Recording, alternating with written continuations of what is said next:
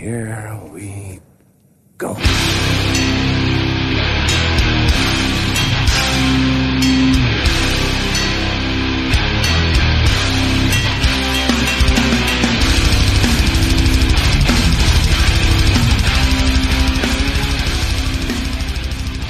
Ja men då så, Nere på noll är tillbaka, avsnitt 130. Jag David, mitt emot mig Daniel. Sant. Ingen Robin. Han är på någon bergstopp och springer ett ultramaraton. Det är fan hardcore, på ett helt annat sätt. Exakt. Hoppas det går bra. Eh, vi, ska, vi sitter och väntar på vår gäst här. Vi tänkte göra lite feedback och hänt i veckan så länge. Bästa feedbacken någonsin. Hoja delar vårat Madball-foto. Kul. Stort. Real recognize real. Fan värt att möblera om ett vardagsrum för att kunna ta bilden. Ganska mycket kul inskrivet angående Madball.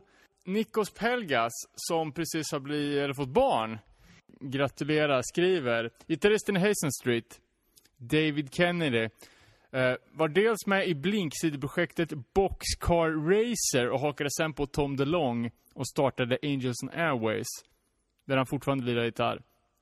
Tror även att han har spelat med straight edge hardcore-bandet Over My Dead Body från San Diego. Eh, och jag tror att någon... Inte ett dåligt band. Nej, det är bra. Eh, splittat med Death Threat, det är det bästa de har gjort. Eh, det var någon som instämde där med att han hade lirat med Over My Dead.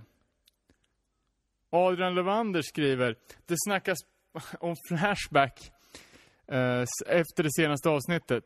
Eh, jag kommer ihåg peppen inför Madball-gigget på Bergslagsrocken.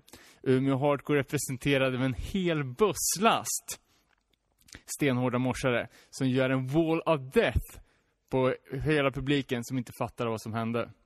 Eh, och jag kommer ihåg första gången jag såg en circle pit var faktiskt på Bergslagsrocken på Refused-gigget. Eh, och det var också så bara, Vad tyckte du att det var coolt, eller konstigt? ja, men jag kommer ihåg att det typ diskuterades i bussen hem på om det där var alltså något orkestrerat eller om det var spontant. Liksom. Circle Pit. Eh, och Ron Kjellback skrev att Ferret Music är ett amerikanskt skivbolag. Eh, och det jag blandar ihop med var ju Genet från Belgien. Ferret, Genet, Consi, Consa, Tomato, Tomato. Eh, men det var ju såklart rätt. Eh, Fredrik Stenman skrev också, jag vet inte om det är sant, men någon i Jag minns min punk skrev att nya Onkel Konkel är vit maktmusiker. Ja, vi fick det på, på Instagram också. Riktigt sketchy. Dels att, att eh, sälja sig som covermusiker för vad det 4000 spänn och utlova att man ska ha någonting med det riktiga bandet att göra. Och Men lite sketchy. skit. Onkel Konkel, skit. Eh, sen fick jag e- en, en roligt, var Erik från Millencolin som skickade in en bild på en bootleg Madball slash Millencolin split t-shirt. som var någon sorts tribute till Melonball, som tydligen är någon drink. Det lät ju kul. Ja, jag tyckte den var skitfet och eh, Udda blandning. tyckte att de skulle göra den på riktigt. Sen har vi fått in en jävla massa svar i misconduct, misconduct, misconduct tävlingen. Det var ju visserligen fina priser, men ovanligt mycket folk som har hört av sig, både på Instagram och på Facebook. Kan även meddela att det är minst 10 pers som har hört av sig, men inte vill ha varit med i tävlingen, utan bara för att snacka skit om misconduct. Eh, vi kommer avslöja vinnaren. Eh, Inboxen är, är ju full nu, så nu går det inte att vara med längre. Men vi kommer göra det på vår Instagram. Vi kommer ha en eh, lottning där. Kommer skicka ut tre paket med feta plattor. Mark skickar som vanligt in mycket feedback här. Jay Weinberg har gjort turnéer med Bruce då Max var sjukskriven. Hesitation Wounds är Toucha Amores sångares sidoprojekt med folk från Hopecon och Suicide. Jag kommer inte ihåg att vi pratade om det riktigt, men Jag tror det kan ha varit Weinberg Jr som lirar med dem också emellan. Men han, var, han är väl någon go-to studiomusiker? gillade du Suicide File? Ja, jag ogillar dem inte i alla fall. Jag har börjat lyssna på det mycket igen. Det är så jävla bra alltså. Hmm, kanske man ska göra en revisit. Eh, Mark skickade även in tips på nytt svinbra metalcore-band, Abrasion. Som har eh, typ tre, fyra låtar som finns på, på Abrasion Band, eller HC på, på Bandcamp och på Spotify. Eh, jänkare, ett nytt jänkargäng som kör Europa-influerat. Typ 8000 mors. Det är mycket bra. Eh, Patrik Wall Wallström skickade en lång feedback här. Eh, ha, har spelningen från Bergslagsrocken inspelad på kassett från P3 Live. Det är möjligt, har du? Eller har du hört det? Ja, jo, jag, jag, jag, jag lär också... Kanske till och med var med på inspelningen. Ja, men precis. Eller det var ju det jag inte var. De klippte ju när jag, det, när jag grabbade mitt. äh, men den har jag också haft. Kanske finns i något öppet arkiv någonstans. Ska fan reka lite på det. Så skrev han att, för, eh, att de spelade på Metal Town 2011. Att, eh, han skriver, jag kommer ihåg att Freddie sa att, för, att de först var tillfrågade att spela dagen innan på West Coast Riot. Men de hellre ville spela på Metal Town för att reppa hardcore. För en metalpublik. Bättre gage, säger jag. Jag tänkte säga det. Sen avslutar han med att eh, skriva, ni nämnde också att det kom mycket annat stort 1994, som till exempel Green Day. En annan stor grej som hände då och lockade folk var ju nu metal. Och tydligen släpptes Korns debutskiva. Var det feedbacken kanske? Ja, jag tror det. I någon typ av sammandrag i alla fall. Har inte jättemycket hänt i veckan.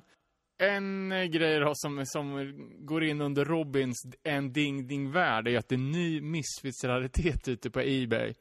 Eh, med fyra dagar kvar ligger en rosa version av Legacy Brutality. Jag såg fan den också. Uppe i 127 000 spänn. Helvete. Det kan bli, det kan bli spännande.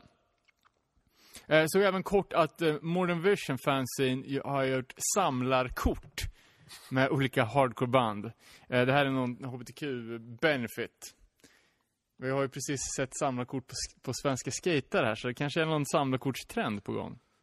Och man är ju lite av en samlare, så... Sant. Eh, lyssnade du på nya Creep Out-låten? Nej. Det var jävligt bra tyckte jag. All right. Det är ett cool, coolt band. Japansk eh, integrity-dyrk. På den här låten var ju dessutom Dwid sjöng, han Dom spelade gitarr, eller la något solo. Ja. Det knackar på dörren. Kör. Nej, men jag, jag har sett så värsta spekulationstråden bland skivsamlare som sa liksom att om de var upprört, eller uppriktigt oroliga över att deras skivsamling skulle typ så här, droppa så mycket värde så att de skulle du vet, förlora hus och hem. Ja, ja. Varför skulle du göra- det? Nej, för att ingen kommer någonsin ha råd att köpa en skiva, då kommer inte Misfits sälja för 50 000 längre, eller 100 000. Ja, jag tänker så. Det har inte hänt ett skit. Jävla konstig tanke ändå. Det är ju inte därför man köper skivor. Nej. Det är ju ren spekulation och sånt. Ja, ja det är ju lite, det är lite vidrigt. Men det känns ju som att eh, det är nog åt det hållet det kommer gå. Men, Men det, det kan ju Precis innan att- kom pratade vi om Legacy of Brutality. För, vad, Ja. sa, vad sa jag att de var uppe i? 127 000. Fan, måste byta stol. Sinnessjukt för fan. Men det är nog många gamla samlare som tänker lite så. Som har kollat upp vad skivorna kostar nu, eller vad värdet ligger på kanske. Och så tänker de att fan, det här, är- det här. är- Nu är det dags att släppa. Ja. Och Jag så blir, det. blir de jävligt oroliga nu när... Ja, Eh, Gula geten-skivan var ju på Tradera också. okej. Vad brukar den gå för? 30 kanske. Nej, Den var uppe i 20, 13 nu 20, typ. tror jag. Utrustpris var 10 000. Ja. Hmm, ja, det är kul att följa i alla fall. Den var väl inte i så bra skick. Jag tror jag la till den på minneslistan. Jag, ko- jag kollar inte. Jag har inte, inte 20 Eller- 000 att lägga på, på den där. Omslaget var inte så bra skick. Det är ju bisarrt. Minst sagt med, med vissa grejer. Ja, men det är det. Men, och sen om man tänker på vad till exempel konst kostar. Liksom så här, Jo men, ja, 500 miljoner för en tavla. ja exakt.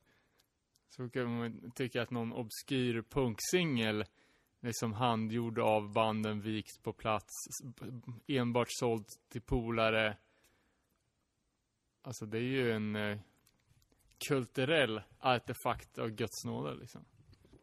Ja, det är sant. 300x vikta i Utah. Ja men precis. 82. Alla, eller liksom hälften av Mona press. Lisa finns ju bara ett text dock. Ja, det är som det är en jävligt rare testpress. Ja men, ja, men säg eh, litografier eller, eller vad som helst liksom. När det är sådana fantasipriser. Som bara är spekulation liksom jag tänker liksom eh, en eh, rare punk-singel där hälften av pressen sups bort första dagen liksom på release-giget. Ingen får med sig några hem liksom. Alla var morsas sönder. Ja, det går ju mycket rykten om det där. Till exempel första Anticimex ligger i Svartån i Västerås och kastades ner en, en, en låda eller någonting på fyllan av någon i bandet. Men eh, Vad dike efter själva skivan. det är jävligt oklart vart, eh, om det är Västerås eller det kan vara vilken jävla stad som helst egentligen.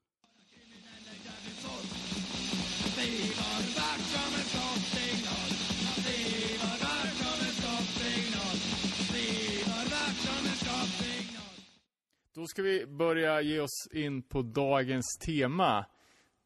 Som från början var obskyr US Hardcore 80-tal. Men som jag sen luckrade upp lite och ändrade till nuggets eller guldkorn alternativt underskattad US Hardcore från 80-talet. Um, ehm, kändes väl som att uh, det varit lite för subjektivt med vad som är obskyrt och inte. Men det kommer vi in på sen. Vi har gäst med oss i studion hela vägen från, är det Köping eller Arboga? Köping. Köping. Thomas Renström, aka Tompa Rens. Punkfan sen gammalt. Sen eh, 92, 93. Den gyllene eran av svensk punk och hardcore. Eh, hur kom du in på punk från början då? Eh, det är trallpunk. Gamla vanliga trallpunken. Ja, Svårt att, att missa när man växer upp i Köping. just det. Ja, nej, det är inte ett, det är inte ett val förstås. Bra spelställe i Smedjan. Ja, Spelningar hela tiden. Man gick på allt, vare sig det var synt, var ju väldigt mycket, eller vad fan som helst liksom. Det, det var bara gå. Det var kul att det hände någonting. Men eh, det gick över ganska snabbt det där med trallpunken. Och eh, sen var det på grund av Lifeless Image release party okej. i Arboga när de släppte minisedeln. Som eh, brorsan köpte en biljett till mig och tyckte att jag skulle gå på det. Sen, Ja, det tyckte jag rätt i. Ja, sen ändrades allt. Första gången jag såg The Hives har inte ett minne av det. Eh, måste varit ute när de spelade faktiskt. Eller någonting, men det är lite synd. Ja, det var det samma gig eller? Ja, Ja, jag tror Brolin pratade om det, att de hade Att de var förband. Ja. ja. Det var väl, måste jag, ja, det var ju under deras demodagar. Och den demon är ju inte så jävla bra alltså. Så att ja, jag är tveksam på om jag ens har hört. det kan ju mycket väl ha varit så att jag såg en låt och gick ut och tänkte att vad fan är det här liksom. Men sen rullade det på. Birdnest låg i stan. Stannade där varje dag efter skolan. Hade de en skivbutik typ? Ja, Jajamän. så det var ju studiebidragstider. Inte så jäkla lätt att köpa någonting. Så man var ju bara in och fingrade och planerade. Det var ju halva ens liv. Det är det väl fortfarande liksom att man tänker på att den där ska jag ha, den där ska jag ha. Men eh, lite enklare nu. Mini-CD-inköp. 40 kronor. På grund av priset eller? Ja, 40 kronor styck. Det var ju mycket som släpptes på mini-CD också. Refused, uh, Burning Heart-släppen. Tio låtar för 40 spänn. liksom. Det är ju fan egentligen ett bra format för hardcore också. Ja, ja. Ja, men så, så började det. Sen har det rullat på. Vilka band fastnade du för? Om man pratar Det hardcore. var ju, på den tiden var det ju metalcore. Men det gick ju snabbt över för min del. Och eh, det är mest 80-tals hardcore. Det har alltid varit det. Det är mesta. Ja, det känns som att du lyssnar på de lite mer eh, stökigare banden framför till exempel 80-tals Youth Crew. Stämmer det? Ja, nej, det finns ju också. Eh, jag tänkte på det tidigare idag faktiskt. Att man i bilen, att eh, fan Verbal Assault till exempel. Ja. Makalöst underskattat band. Ja. Fantastiskt bra. Det skulle jag ha tagit. Bara, nej, men nu får det bli så här. Ja, men det, det finns, det finns för mycket. Eh, men har du spelat i något band själv då? Aldrig något band. Är musikaliskt obegåvad brukar jag säga, men jag har aldrig försökt. Så. Nej, exakt. Det är ingen undanflykt heller. Nej, Nej, men Nej, det, det har aldrig jag måste blivit säga att det är en jävla... Det är en respekt till folk som bara är musikfans. Det, ibland så glöms det liksom lite bort. Man håller på att credda folk. Det, ja, någon musik, eller ett band står på scenen och bara shoutouts till alla band. Men folk som, Köper skivorna. ja men som är samma person som går, går på gigsen år efter år efter år. Ja, men det, det är ju faktiskt sant. Utan fans eller publik så hade det liksom inte funnits någon scen heller. Det är lite bortglömt. Mycket svarta ansikten eller mörka, ja, ni fattar vad jag menar. Det där lät ju jättedumt. Osedda ansikten, så skulle jag ha sagt. I publiken. Men ja, sen rullar det på. Birdnest. Och min bror, Ja. såklart. Ja, bra, bra förutsättningar. Du har beskrivit dig själv som en skivköpare, inte skivsamlare. Ja, Utveckla. jag har aldrig samlat på färger eller någonting. Det, det är därav skillnaden, ser jag alltså. När jag, när jag har skrivit sådär. Ja. Eh, Det har aldrig intresserat mig, utan jag, jag köper hellre en skiva med ett annat band i sånt fall. Vidga vyerna ja. ännu mer. Det, det Men det är ändå varit första press, eller? Oftast. Men det duger lika bra med en Europapress från samma år. Det är viktigt att det För- inte är remasterat eller remixat eller någonting. Det finns bara ett undantag som har blivit bättre och det, den kom här om året. Det är Heresy. Okej. eh, fullängdaren. Den låter skit, originalet. Och nu, nu har de gjort om liksom allting. Skit på ett dåligt sätt. Ja, den, det, pro- produktionen är så jäkla risig. Men eh, det skälper ju alltid. Ja, man ska inte in, in och pillra för mycket. Nej. När började du med att eh, köpa vinyl då för, efter CD-eran? Jag köpte vinyl redan som sjuåring. Ingen CD-fas alls, eller? Jo, den kommer. Men jag är ju lika gammal som dig, Danne. Ja. Så 87, 86 fick jag min första Twisted Sister-LP. Härligt. Fick inte du också det? Jo. Och sen gick man igenom brorsans skivsamling, var makalöst fascinerad över King Diamond. Det är jag fortfarande. det är inte bara hardcore, det är metal också. Så att. Men eh, jag, istället för att köpa godis på lördagarna och så, åkte, vi bodde i Arboga då, Ja. så åkte jag alltid med min mamma till Köping och köpte en singel. och det kunde ju vara, det var ju mycket populärmusik då Ja. senaste hitten liksom. Senaste singeln. Den där ser cool ut. Det var ungefär så man gick. Eller något man hade hört på radion. Och sen kom ju CD. Det var ju mycket CD där i början. Sålde du av några skivor då? För jag gjorde ju missen. Det är enda gången jag sålt skivor. Då sålde jag av en decimeter heavy metal vinyl.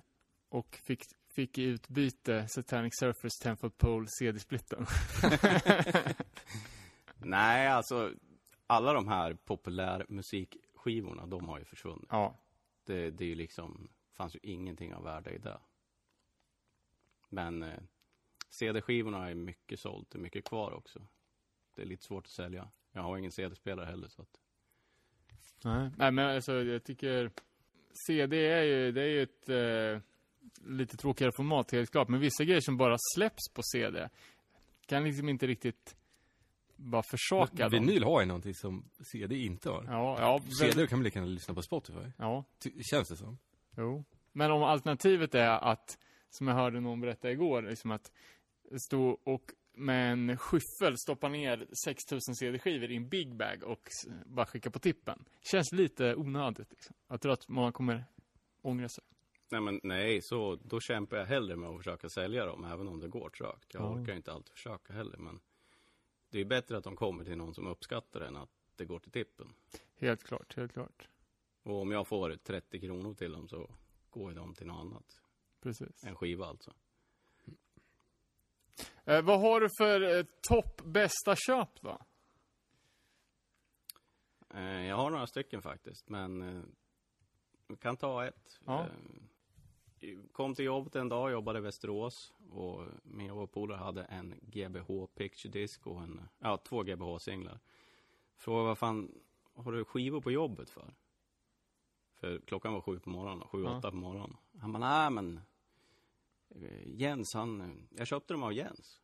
Gå upp och snacka med honom, han kanske har mer med sig. Så, så jag gjorde det, gick upp, Och det visade sig att hans farsa som jobbar på återbruket i Sala hade hittat en flyttkartong med skivor. Okej. Och eh, Jens hade tagit dem. Han bara, du kanske kan sälja dem här till någon. Och går ner i omklädningsrummet och kollar. Kollar bara LP'na gjorde jag. Och det var ju lite så här Black Flag, Slip It In, Minor Threat LP'n och mycket UK och sånt där. Och fråga, vad ska du ha för det här? Ja, 20 kronor för LP och 10 kronor för singlar. Ja, okej. Så jag flyttade över mitt skåp. Gick ner på lunchen och kollade igenom singlarna och då var det ju Anticimex, Victims of Bomb Raid första, Pressen, Mob 47, Moderat Liberation, eh, sådana där grejer. Crude SS, om det var två av den. Vad sa du, 10 kronor styck? Ja. Så då stod jag där med hjärtat pumpande. Fan vad sjukt. Eh, Berättade Men- du för honom vad det var sen? nej, det gjorde jag inte. Det, det ville jag inte. Jag ville inte, dels för att i tron om att han kanske skulle vilja mer pengar eller att han skulle få ångest. Ja, det är ju ett av de två, helt klart. Alternativt båda. Jag gjorde ett ganska fint bara för två, tre månader sedan. En jobbarkompis ringde mig på Facebook. Jag tänkte, det här måste ju vara fel. Varför ska han ringa mig på Facebook? För vi har ju ändå- aldrig ens skickat ett mess till varandra. Nej. Och nej, jag svarar till slut och han frågar att ja, men jag, jag är hemma hos eh, en tjej här och, och har köpt en massa Hanoi Rocks vinyler. Och det är jättemycket kvar. Jag tänkte att ja, men jag tänkte på dig. Nej, tänkte han. Det är mycket hårdrock, sa han. Det är mycket hårdrock. Tänkte, nej. Men så sa han hans namn. Det är hans skivor, det är en ki- kille som gick bort för några år sedan. Och då liksom, jag bara, ja, jag kommer på en gång, så För jag visste att han var gammal punkare från början av 80-talet. Kommer upp dit, det är sex backar skivor. Det är hans exfru som säljer dem åt deras gemensamma söner. Okej. Bara LP. Och jag börjar bläddra lite, snacka lite socialt sådär. Och... Ja, hittar väl några skivor, ställer ut alla skivor jag vill ha. Och sen kommer jag till G och hittar Gigi Allen. Eh, LPn med teckna, handtecknade omslaget. Och då kommer det där hjärtgrejen. Fan, dålig koll på GG, är den mega rare? Ja, den är mega rare. Den eh, gå för riktigt mycket pengar på Discogs. Men eh, det är ju det också, man ska ju vara rätt människa som säljer i vissa tillfällen också. Men då, det var mycket, jag plockade väl ut 60 skivor tror jag. Tror jag betalade 80 spänn styck för dem. Missade väldigt många, fick jag reda på i efterhand. Eftersom jag ringde till min bror och han fick köpa det sen. Resten då. Men eh, jag var ganska nöjd. Mycket UK 82 och sånt där. Och då köpte den här båda Coxbearer tågen? Ja. ja. Precis. Men eh, det fanns inga singlar. Det fanns bara lite omslag till singlar. Hmm. Och det frågade jag om såklart. Och då hade, hade hans nuvarande, eller hans senaste fru eller flickvän eller vad, vad det nu var. Säg inte att de har gjort något. något Troligen kastade de. ja, okej. Smält ner dem och gjort skålar eller någonting. Ja, nej men det, det var, då betalade jag nog 80 kronor skivan eller vad det var. Och vi, det får man ju tillbaka bara på en skiva. Ja. Fan, det är så jävla kul att höra såna här historier, men blir så jävla bummed att han händer det själv. Nej. Nej, jag har, Jag antar jag, att det är ett jävla jobb. Det är mycket nitlåtar också, antar jag. Ja, men det där, det har ju bara varit flyt. Och likadant, jag har en till om, om jag får. Men Ja, eh, ja, det, det, var ju också, det var ju också när, vi, när jag jobbade i Västerås. Och min vän PO som jag jobbar med, han spelade i Puffball och andra Västeråsband. Han skulle över till sin gamla bandkamrat eh, i Puffball och eh, ah, han säljer alla sina skivor. Ska du med? Då hade Forsberg redan varit där. Ännu en Puffball med Ja. dem och diverse andra band. Han hade ju plockat väldigt mycket godis, men det fanns ju väldigt mycket kvar. Så vi åkte dit. Och då köpte jag, då skulle han ha 60 kronor LPn. Eh, Då köpte jag Bathory Under the Sign of the Black Mark signerad. Och jag hatar ju sånt. Du ska inte kludda på skivor. Men eh, där är rättfärdigare. Helt okej. han, han är död och det är så stilbrytande skiva liksom. Ja. Ett bildande. Och lite annat. Mob 47 EPn bland annat. Jag älskar dock när de har prissättningen att det är 60 kronor LP, det spelar ingen roll vad det är. Ja. Nej men han tog ju 60 kronor för sjuorna också, eller jag betalade. Och jag, det Det är lugnt. bekom mig inte liksom. Men eh, de kommer ibland de där. Så ja, du gjorde ju ett köp igår. Eller när det var. Ja, precis. Ja. Shoutout till Risti som sålde sin fantastiska skivsamling för ett väldigt symboliskt pris. Eh, sen så såg jag eh, att du brukar posta under hardcore ads på Facebook. Ja, Vad är, är det ditt konto eller? ja. Den, eh, jag gjorde den för några år sedan när jag hittade lite gamla Maximum Rock'n'Roll och Triple X, eller vad det heter, gammalt Ja. US fanzine. Och eh, jag vet inte, det fascinerar mig bara, gamla annonser. Ja.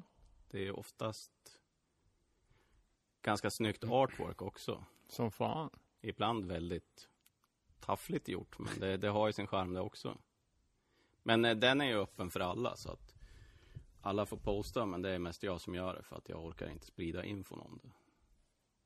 Man, eh, man är ju slö. Så enkelt är det. Det är fan sant.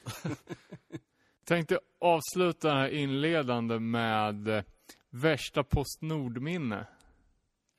Jag har inte så många faktiskt. Det, det är bara väntan. Det var, jo, en gång har jag reklamerat en grej och då köpte jag en skiva på Discogs. Fick hem den och den var klippt halva baksidan fast den var graderad excellent. Ja.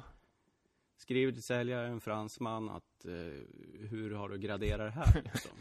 Bara, nej men alltså det var så länge sedan jag graderade dem, det var hans ursäkt. Jaha. Jag bara, men du kollar väl på skivorna innan du skickar dem liksom?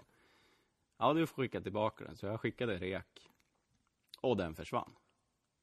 Det är väldigt tydligt, tydligen väldigt vanligt i Frankrike att de inte kommer fram även fast det är rek. Okej. Och...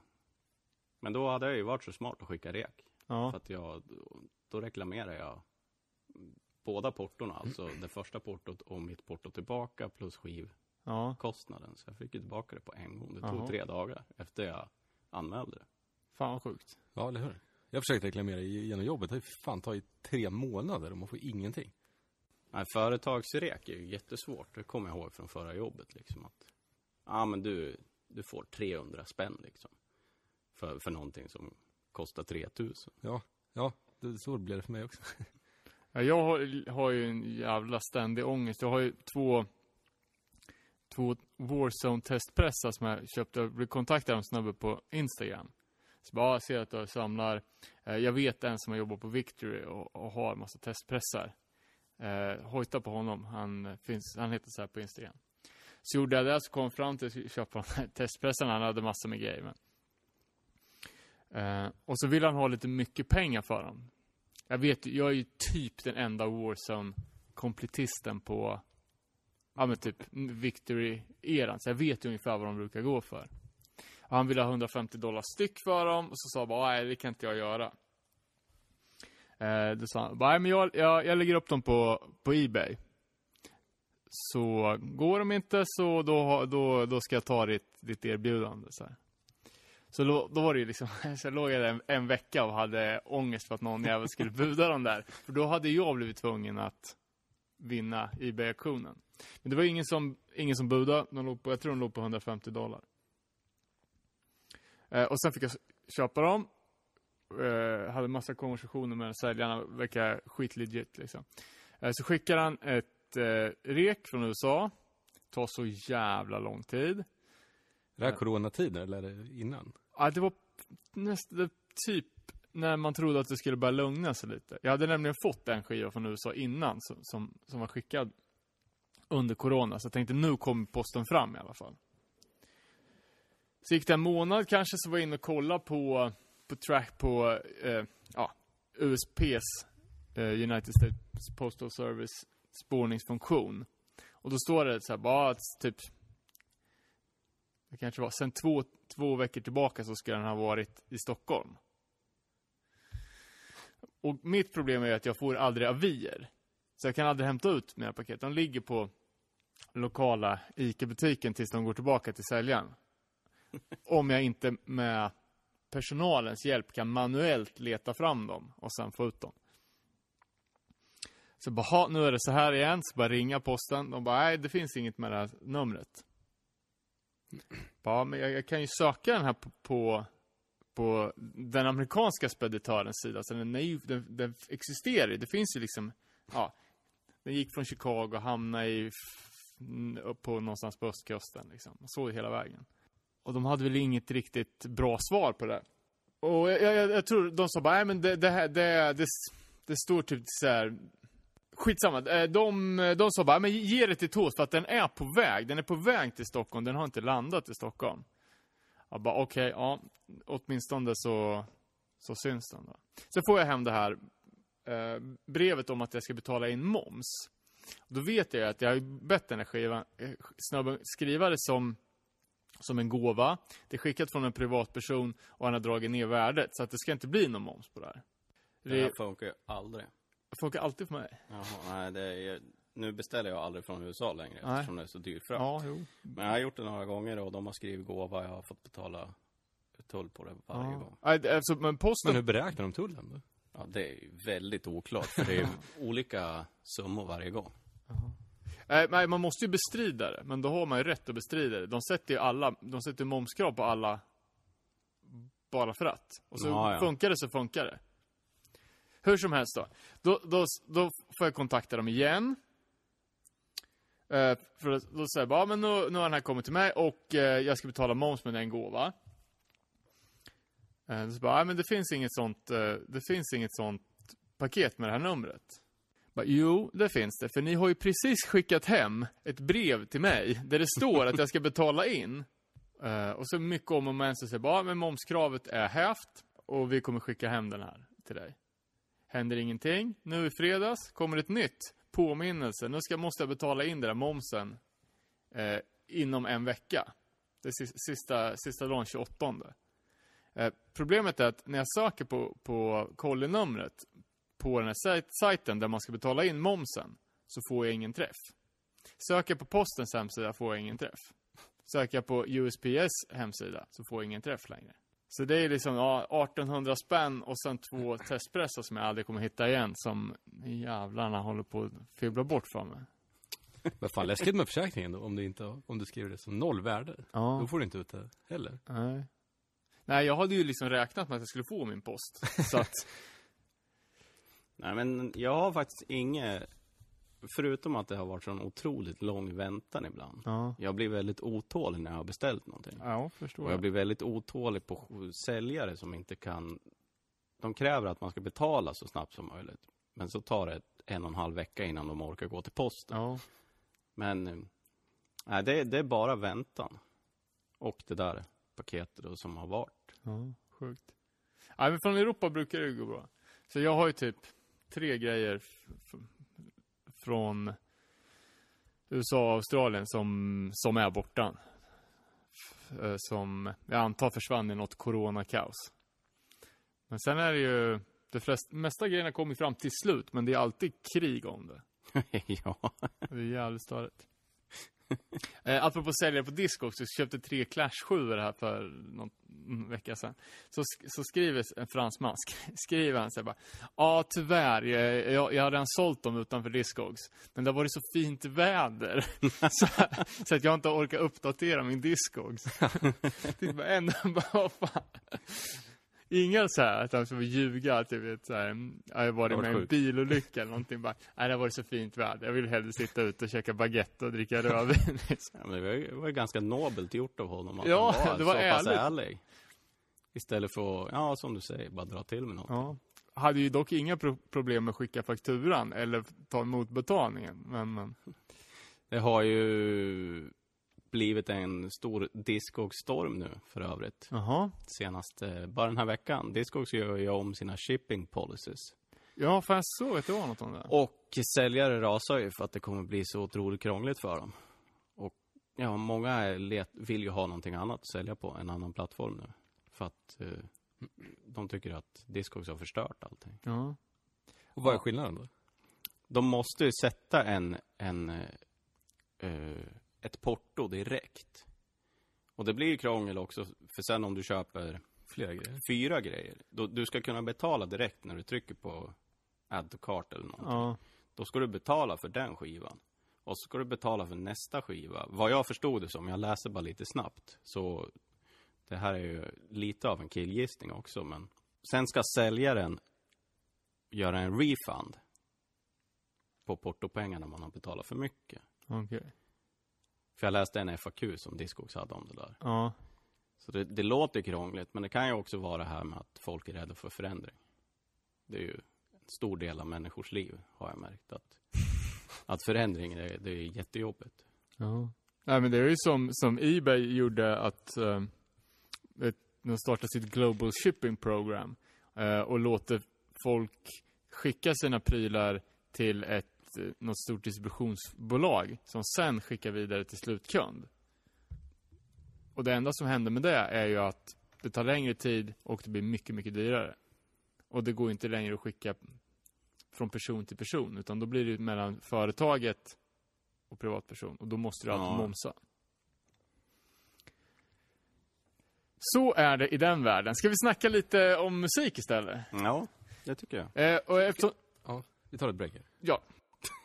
Mycket hand gestures här. Ja, men eh, David, det är du som är nya Robin, så du får ju ta snacket. Eh, ja, vad var tanken då? Obskyr amerikansk hardcore 80, 80-tal. Ja, så, så var väl grundtanken. Eh, jag har resonerat så att jag ta, har tagit saker som jag upplever som bra underskattade guldkorn.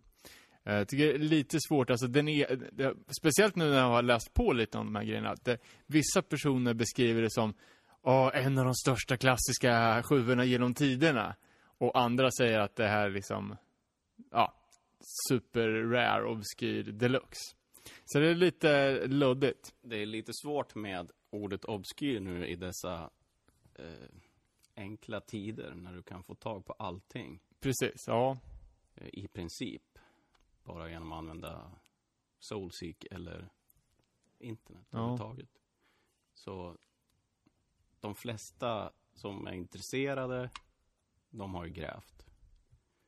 Så att eh, ordet obskyr är ju väldigt svårt. Men Ja, nej men, nej, men precis. Så eh, de grejerna som jag har valt ut i alla fall saker som jag, som jag tycker att jag har hittat senare än eh, andra saker från samma period och samma ställen. Liksom. Ehm, men jag har gått på framförallt saker som jag tycker är bra och bör lyftas fram snarare än att det kanske är ovanligt. ja, ja, jag är på, på samma spår. Så vad börjar vi med då? Ska jag börja då? Ja, du är ju gäst, du får gå först. Braille Party från eh, Maryland. Extremt konstigt band. Släppte två låtar på två samlingar. Flipside Vinyl Fanzine Volume 2. Och så släppte de på en Maryland-samling som heter Bouncing Babies. Och det är ju Var det allt hardcore. de har släppt eller? Nej, de... eh, Sen släppte de en LP på Fountain of Youth. Ja, Samma år. Ja, Och den är extremt konstig. Det är indie-pop och... Och den här låten som jag har tagit med mig, som är med på den här, Ja. är också med på den skivan. I någon slags jäkla lounge-version. okej, vad sjukt. För jag hörde bara så här, den alternativa rockversionen. ja. Och tänkte bara, men fan vad, vad skönt att vi bryter upp det här, att det inte blir så, så likriktat. Men då förstår jag. Nej, men så... Och de ska ha spelat in en demo, det fanns på Disco, så jag har letat efter den där demon i, i många år nu. Soulseek är ju liksom där jag kollar efter obskyra demoinspelningar. Ja, Och den, jag har aldrig hittat den förrän igår. När jag skulle ladda hem den här låten. fan sjukt. Och då hittade jag någon Terrorist Session hette den. Och det var ju sju hardcore-låtar liksom. Okej. Men det är inspe- inspelat samma år som LPn. Så jag vet inte vad de höll på med riktigt. Måste ha varit väldigt ombytliga. Ja, Men eh, Det här, Men vilka, vilka år snackar vi då? det här är 84. 84, ja. Och eh, den här hittade jag för fem, sex år sedan. Tack vare Peter Swedenhammar som spelade i Rape Teenagers. Troligtvis la han ut den på, på Facebook eller på sin blogg kanske. kbdrecords.com Uh, eh, Och jag fastnade direkt. Jag tycker den är så... Det är många band från den tiden. Det är inte så många som låter så. Alltså alla, de gjorde ju någonting nytt. De gjorde ju precis vad de ville. Det är ju mer likriktat idag än vad det var då. För det var mer ta ut på svängarna och... Ska vi lyssna eller? Ja,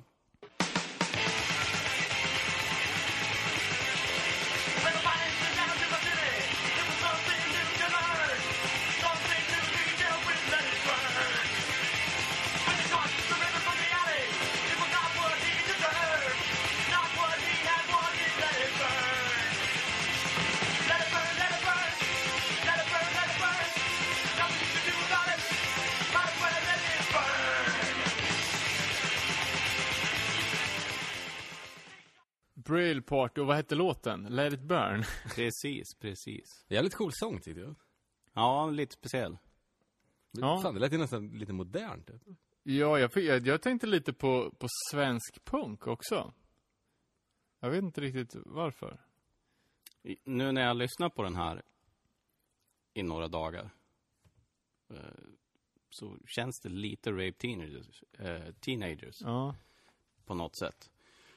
Eh, Det kan ju vara så att de var influerade, men det är svårt att tro att de skulle ha byggt hela sitt sound på det. För de var ju väldigt speciella och jazziga liksom, Ja. de själva liksom. Ja. Nej men och sen det där sticket kändes det jävligt, eller jävligt, men jag tänkte också på eh, någon Dead Kennedys låt. Och det är Ja. också ett band som gick lite utanför boxen. Det var lite någon sån här janglig gitarrgrej som minner lite om Ja, någon, någon grej där. Eh, coolt. Ska du, har du någon låt Anna? Det har jag. Och eh, först ut då, som jag även teasade om i, eh, på Facebook inför det här avsnittet är då White Pigs. Från Hartford, Connecticut. Heter de The White Pigs? Nej, jag tror inte det. Nej, bara White Pigs. Jag har svårt med vilka band som heter, heter The och inte. Ur askan har ett band med ett jävligt bra namn. Zack and the Soda Boys. Eh, Bandet startade 81, men kom inte igång med verkstaden förrän 83. Eh, Jag tänker att vi kör låten Victims. Och det här är då Victims live i replokalen. Fast ändå med samma ljudkvalle som det är på sjuan. Också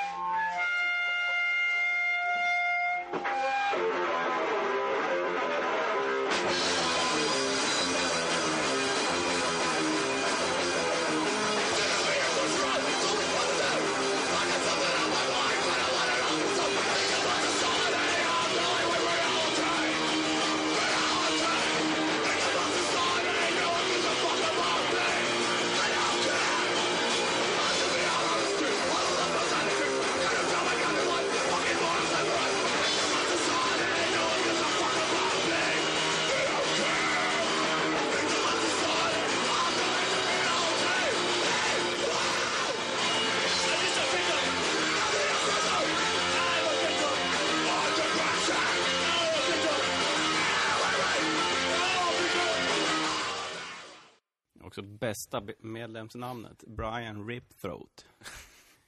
Tror det, det borde ju vara sångaren då. Ett Eh, cool sång på det här också tyckte jag. Ja, jag, jag tycker det är skitbra. Alltså, jag, jag har ju varit ett stort fan av Connecticut Hardcore, liksom, men alla, ja men pre-Youth of Today-band, liksom Reflex from Pain och Young Republicans och det fanns ju ma- massor med band från den här eran, Verken Commando, CIA. Men de här hade jag fan missat totalt tills för några år sedan. Det var ett jävla härligt uppvaknande för just den här första sjuan är ju sån jävla banger. Mm. Billig på disco också. eller? Men Så farligt Ja. är det väl inte? Jag tror fan jag betalade 1600 spänn för den, så att den är ingen. Ja. Och då var jag ju också jävligt eh, eager att få den. Det har ju kommit en, eller kommit, jag vet inte när den kom, men de senaste åren har det kommit en LP som är, eh, har demon från 83 också. Ja, ja men precis. The Hardcore Years. Ja, Eh, som eh, jag måste införskaffa mig. eh, fan, vad är det som släppte den då? Det är väl Puke and Vomit tror jag. Ja, jag tror det också. De släpper ju otroligt mycket halvdana. Alltså materialet är ju bra och sådär, men det, paketeringen. Paketering. Man är ju, nu har man ju blivit så jävla bortskämd med Radio Rahim. Ja, extremt bra grejer. Som, så allting annat blir liksom lite tafatt. Eh, Så jag läste om dem i den här crossover-boken som kom för ett år sedan kanske. Eh, Och där beskrivs ju de som bara, åh det här är, det här var liksom den, det är den största hardcore-klassiker. Det här, det är den och The Abused 7 som är liksom, ja men liksom hela genrens eh, liksom pedestalband. Och så hade jag fan inte upplevt det. Jag har nog aldrig skakat på huvudet så mycket som när jag läste den boken. Och det tog, det är en, förutom John Josephs eh, fabel, så tog det nog, den, den är den bok som har tagit längst tid tillsammans med John Josephs bok. Ja. Så mycket konstiga grejer. Ja, jag har, inte- jag har inte permläst den, jag har bara gjort vissa band. Ja, det är, ju- det är Fan, lite John. Josephs bok var ju spännande. Ja, till en bit. Ja. Sen, sen vart det ju bara, bara, åh, ännu ett kapitel om det här och det är ju lite som Harleys, fast Harleys var ju mer som en actionfilm. fast eh, JJs bok var ju Ett lite drama. mer drama. Ja. Fick jag, och, eller köpte en, också en jävligt skum, eh, som skulle vara typ såhär US skinhead related. Eh, ja men typ som en diskografi liksom, med olika Mm. skinheadband i olika genrer. Men det var också så sjukt jävla konstigt urval. För då var det så här, bara Biohazard Casualties och Antiheroes. Liksom, bara fan kan det bli mer liksom jävla konstigt urval. Och Ja. lite så känns det med den här crossover-boken också. För att det är ju skitmycket bra band som är, Ja, jag, som är med. jag upptäckte faktiskt en hel del band på grund av den. Men Ja. så är ju China White med liksom. Vad fan gör de där? Ja, eller hur? Ja, men det är massor med band som bara, fan, är det här verkligen crossover? Ska jag inte säga det? Ja. Men, eh, ja, vet fan. Den enes klassiker är den andras obskyra och den enes crossover är den andras Ja, Cali så är det ju. liksom. Allt är subjektivt. Eh, själva verkar de, eller verkar de ha fått lite slack från själva punk och hardcore-scenen för att de hela tiden lutade lite åt metal. Eh, de har ju sagt så här att de var, digga metal också hela tiden. När band som Slayer och Metallica och Venom började spela Ja men den typen, så tog då, ty- typen av musik så, så började de gravitera det. Och det och bandet blev ju liksom ett speed metal band efter några år där på, på 80-talet. Men jag tycker det är jävligt bra också faktiskt. Jag har ju liksom vuxit upp med Whiplash och såna här, så den eran, så jag tycker att eh, de speed metal-grejerna är jävligt bra också. Ja, det är ju ytterst få som klarar det där. Men Ja. alla, alla, ska jag inte säga, men många 80-talsband är ju gamla hårdrockare i, i smyg. Och Ja. inte kunde spela bättre. Ja, ja men precis. SSD, DYS och, och så vidare i in absurdum. Det finns ju alltid en skitskiva bland alla klassiska band Ja. i princip. Nej men det, det är klart, alltså, och nu snackar vi om band som fanns på tidigt 80-tal, att de hade ju lyssnat på musik innan punk, som var typ en ny företeelse relativt. Mm. Så det är klart att de har ju metal med sig i, i bagaget, alltså oundvikligen. Ja, det är ju helt andra influenser än dagens hardcoreband som influeras av hardcore. Ja.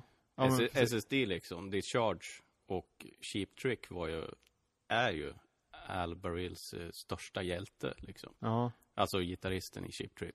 Trick. Så det är, det är ju en helt annan förutsättning de hade än vad, vad band idag har. Ja. ja, och det känns ju lite som att men att folk var ute efter liksom, ja men du vet, jagade det hårdaste, det värsta. Då kunde det vara ett punkband eller ett metalband, men det var liksom det var inte, det, etiketterna var inte så viktiga, det var mer att det skulle vara hårt och snabbt.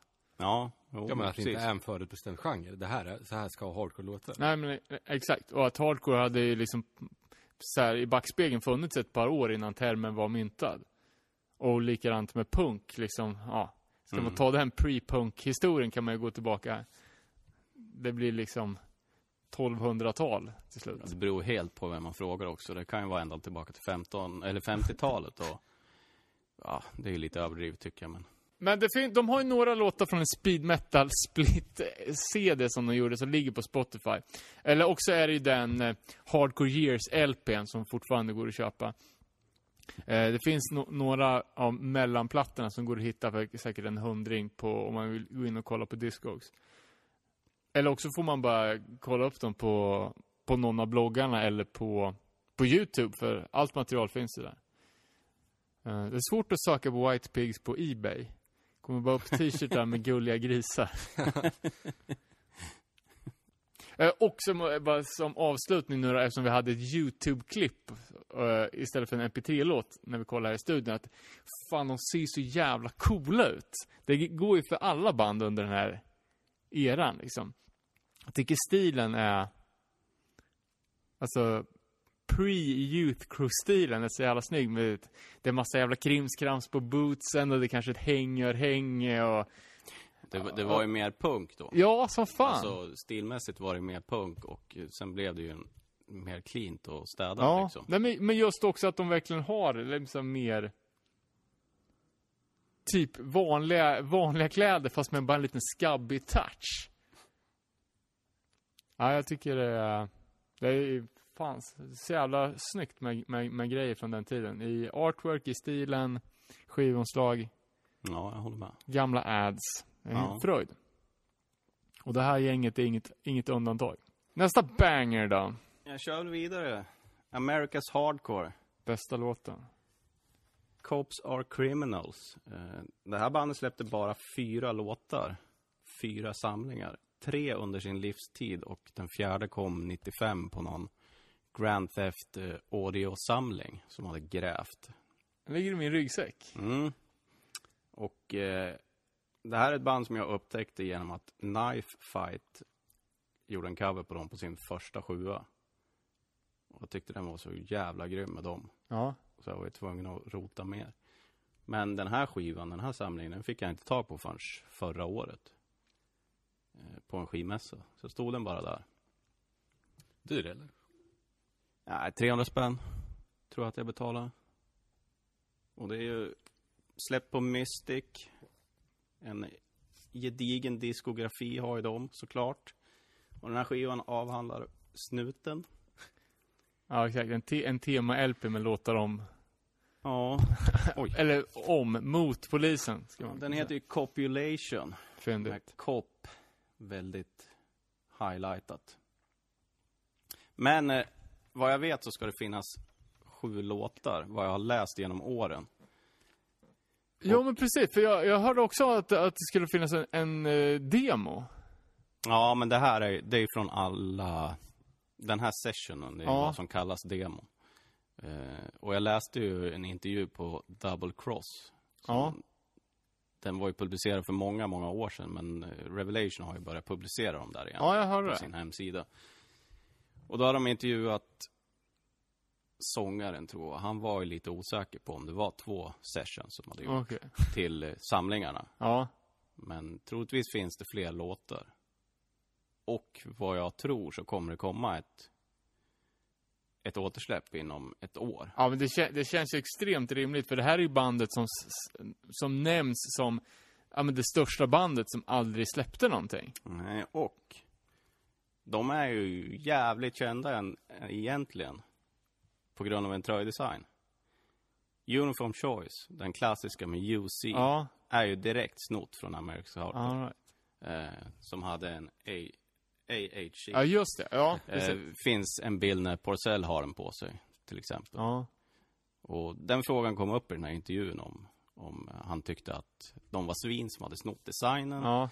Men eh, han tyckte bara att det var skönt att, för de hade ju spelat ihop tidigt och Ja. eh, han tyckte bara att det var coolt att de, han såg det som en cool grej helt enkelt. Och det är ju rätt inställning istället för att, Kanske inte har snott den, det är en tribute. ja precis. Det är inte alla som tycker så, tyvärr. Nej. Danzig. Nej, men fan, jag, jag hörde, kan det ha varit på Turned Out to Punk? Eh, jag vet, Damien Abraham älskar America's Hardcore, eller de låtarna som finns. Men då, då pratar de om också att det var ett sånt jävla merchband, att det var det första merchbandet. Att de, eh, alltså sålde så jävla mycket tröjor och att folk hade America's Ja. Hardcore. Alltså det var liksom, det var 80-talets motsvarighet till Cold World, typ. Ja, det stod också i den där intervjun att eh, de tryckte upp klistermärken i tusentals, verkar, Ja. verkar som.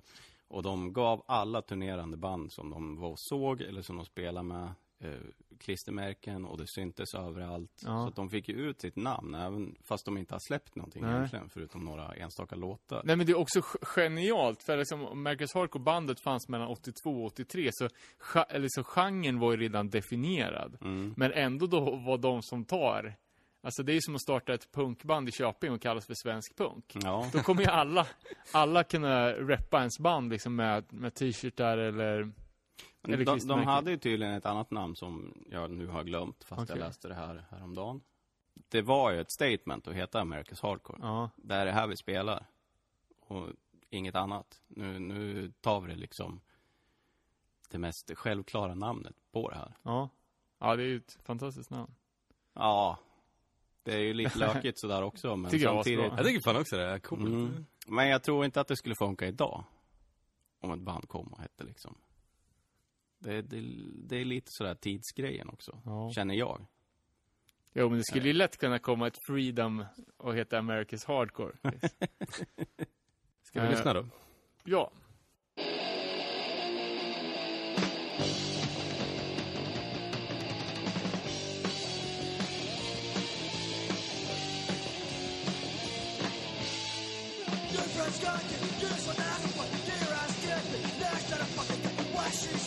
Your perfection for your taste Joy that is not your extract Please without kick your ass Please without put your ass Please without I hate things You're a bitch gardening You're just one ass but you're a different Left to the fucking good by the decent Arch of the country Jacob Joyful We are still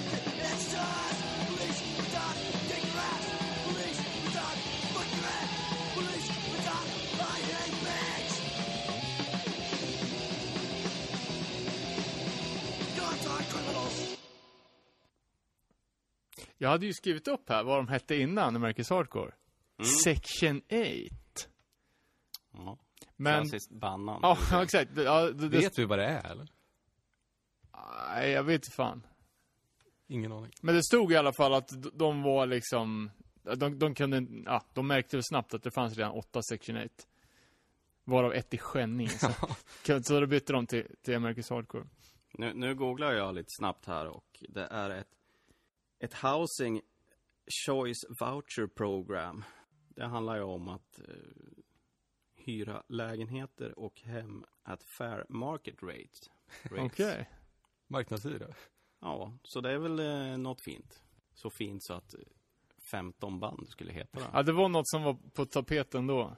Förvånansvärt bra ljud också. Det är ju, eh, eftersom den är på en Mystic Comp så antar jag att den är inspelad i, eh, i deras studio som är liksom ökänd för att ha dåliga produktioner.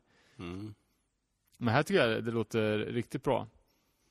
Dog Moody, Mystic-grundaren som säger själv att han uppfann splitskivan, tror jag det är. All right. Hmm. Han har ju sagt väldigt mycket genom åren. Ja. Och eh, det är ju en av de svåraste diskografierna att traggla sig igenom. Det finns ju liksom ingen komplett lista någonstans. All right. Men jag har en jag följer på Instagram. Han, han vill ju ha allt Mystic. Ja. Bara för att. Och han tycker det bara, det är så jävla jobbigt att jag måste ha den här skivan liksom, För den är så jävla dålig. Men det finns ju, för jag skulle lätt kunna kunna ja, men, så göra ett Mystic, Mystic avsnitt för att det finns ju så jävla mycket Ja, skumt bra. Ja, typ som The som- Grim som är med på, eller vad heter de bara Grim kanske? Grim, tror jag. Ja, de är från Oxnard-regionen i alla fall. Ja. Som är svinbra. Ja, det, är finns ju en sjukt ma- mycket massa- bra grejer. Ja. Och alla så här RKL och Ja. så här som släppte där först. NoFX också. ja. För övrigt den enda NoFX-skivan jag hål. Ja, det går ju att debatteras. eh, America's Hardcore i alla fall. Fett, eh, fett band och eh, ja, jag tror också att det kommer komma någon typ av eh, återsläpp på det här. 100% att den kommer komma på en dyrfraktad tolva. Ja, får hoppas på en sjua. Ja. Om, om de inte har hittat eh, 15 livespelningar de ska klippa in på tre sidor. Ja, jag vet inte hur mycket de spelar live. Sa att de öppnar för Mind Threat på en, någon gammal flyer i alla fall. Ja, men de verkar spela väldigt mycket under sin korta existens. Verkar ha varit tjenis med Circle One också och John Macias eller vad han nu heter. Ja, Macias. fan, my- mycket kul, mycket kul under den California-eran alltså.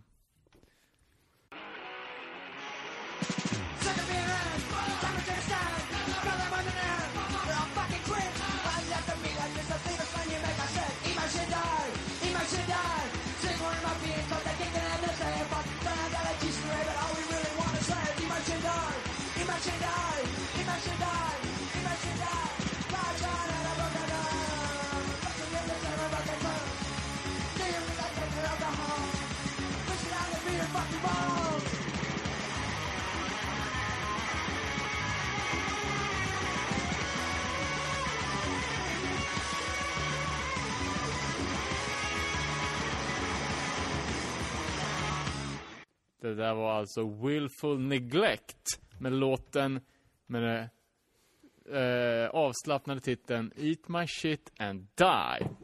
Från St. Paul, Minnesota. Det här är fan tredje avsnittet i rad vi snackar om Minnesota Hardcore. Denna kanske opolerade pärla i eh, den amerikanska Midwest-scenen är det väl. Som hade tidigt jävligt mycket surf och garageband, men som Tänker man på Minnesota Hardcore så är det mer de liksom melodiösare banden som Husker Du och Replacements kanske. Inte så mycket så här hög energi hardcore. Final Conflict också. Finns Det ett par. icke-kaliforniska bandet. Precis. Det där med den fula gubben. Ja, precis. Eller trollet. Ja, vad det nu är. Har inte Willful Neglect också rätt fula omslag? Vet inte, alltså först, de har, de har släppt, de har släppt två tolvor och en, eh, en LP som aldrig kom ut. Den första är ju bara Willful Neglect i stora svarta bokstäver på en vit bakgrund. Med en jättesticker det stod Hardcore, så folk visste vad de fick. Eh, sen har de ju en grönaktig rackare som, där någon stackar i en elektrisk stol. Men jag har ju varit ofrivilligt bekant med det här bandet i jävligt många år sedan jag började, började köpa skivor på Ebay. För att man söker på Neglect, eller? Precis, för att jag har varit samlare av Det är därför jag också har sett gruppbandet Neglect och alltid fått upp de här och aldrig brytt mig om att lyssna på det. Först, inte för så många år sedan. Och jag upptäckte, jag tror det var den här låten som jag hörde först.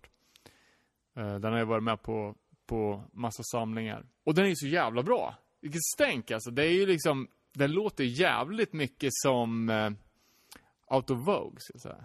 Ja, Jävligt mycket, speciellt den här låten och speciellt på rösten. och det har du rätt i. Jag har nog aldrig tänkt på. Men eh, ja, det gör det ju faktiskt. Men det är ju, ja, nej, hög, hög intensiv hardcore. Med, med något inslag av någon lugnare låt. Men överlag så är det ju fan full speed från, från låt ett. De här eh, skivorna såldes ju, om jag höftar till med 15 år sedan på Ebay av en gammal bandmedlem. Still sealed, Ja. 50 dollar styck.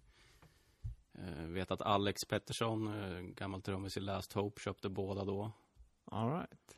Och det är troligtvis den ena jag har hemma nu, för den köpte jag av Trash Palace och de köpte Alex samling. Så att... Men den första har, är fortfarande inte i min ägo. Ja, jag, jag har också bara, bara den andra. Är de dyra, eller? Nej. Nej.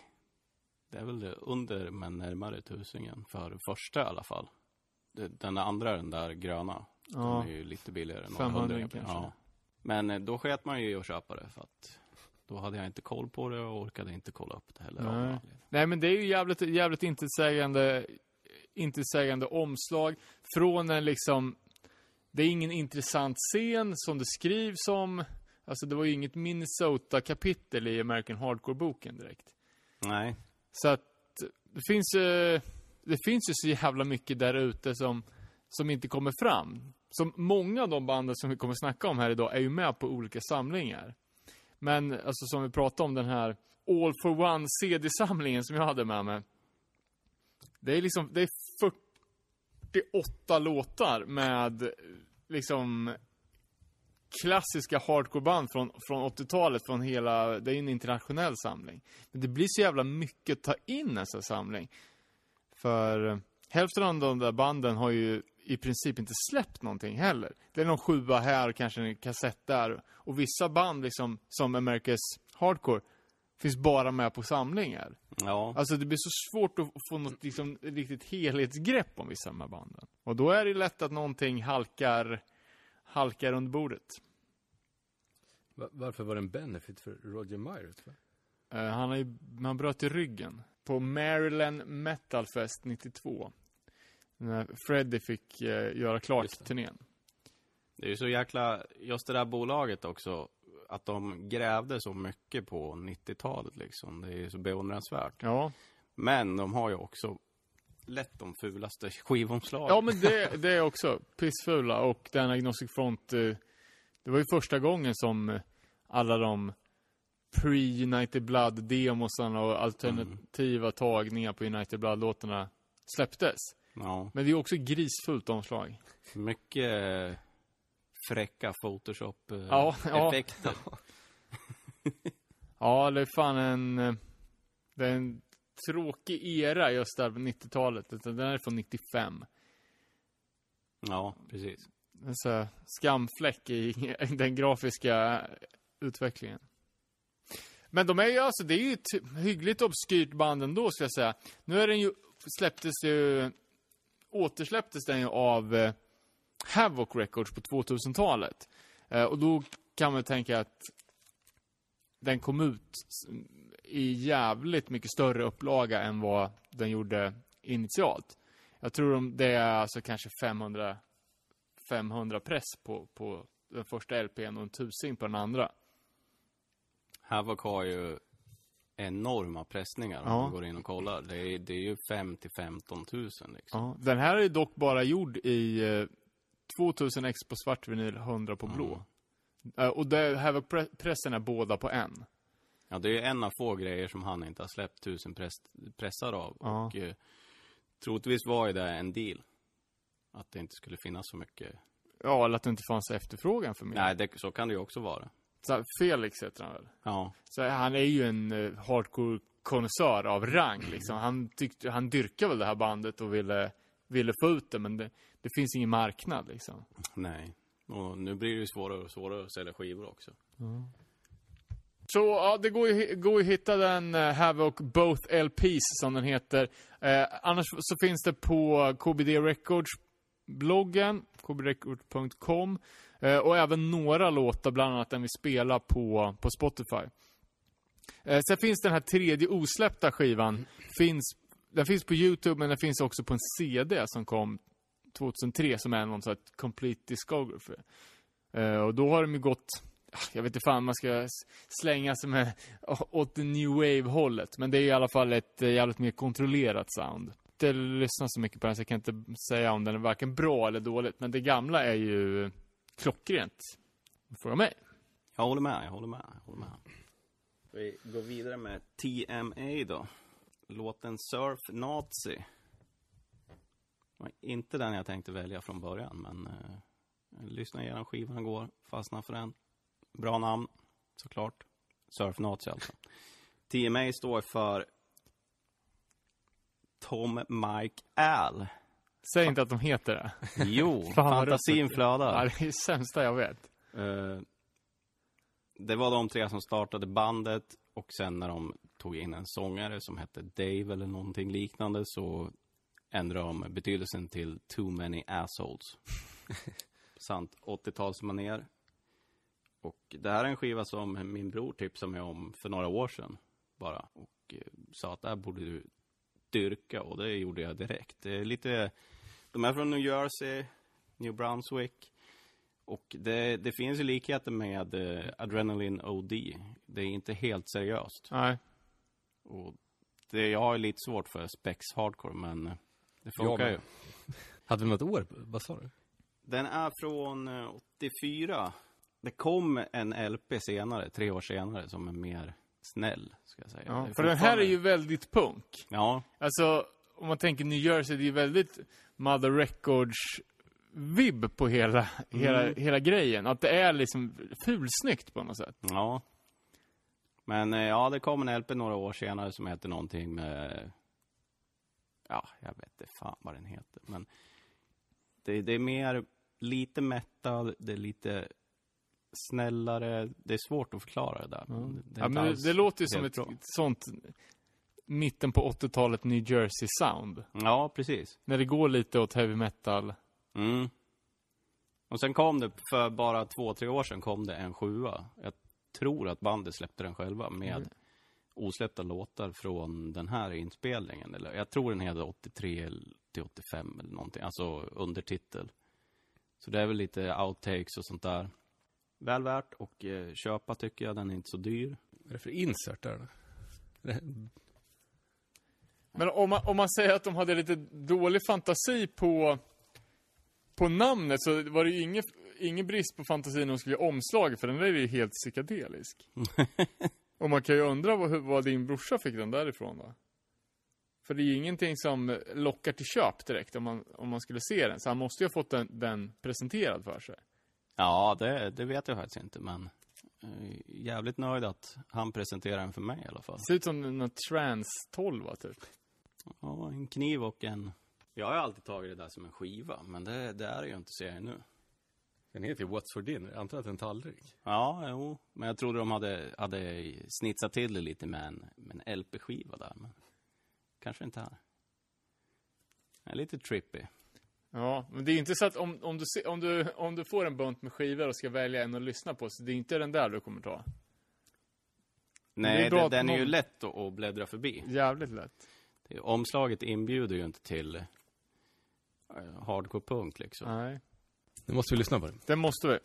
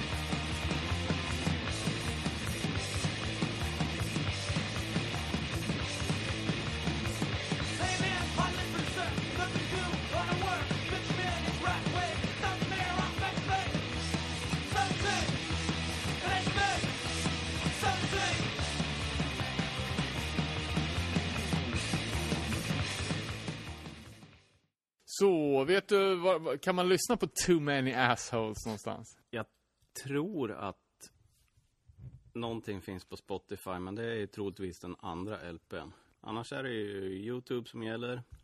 Kan vara svår, svårgooglat. Sa du inte att det var billigt på Discogs? Ja, så dyrt är det inte. Då är det där man får... Ja, Jobb- köp jobba. en skiva, fan. I en reback nära dig. Ja, men det var lite som, som vi var inne på där att New Jersey-scenen, att det är något speciellt med banden från New Jersey på den här tiden. Kanske en motreaktion på att de var liksom stenhårda, allvarliga och livsfarliga i New York. Och att lillebror från landet inte, det var inte ens någon idé att försöka, utan då, då vart det en motreaktion att de blir Spexiga. Ja, men eh, lite mer oseriösa. Liksom. Finns mycket bra där ute i alla fall. Ska vi rulla vidare till västkusten då? Eh, ett band som, eh, som jag har varit på jakt efter. De har bara släppt en sjua. Och Jag har snålhindrat mig själv från att köpa den vid jävligt många tillfällen. Men nu är det snart dags. Och det är ju Rebel Truth. RT. Med sin självbetitlade sjua. Kan smälla på en låt.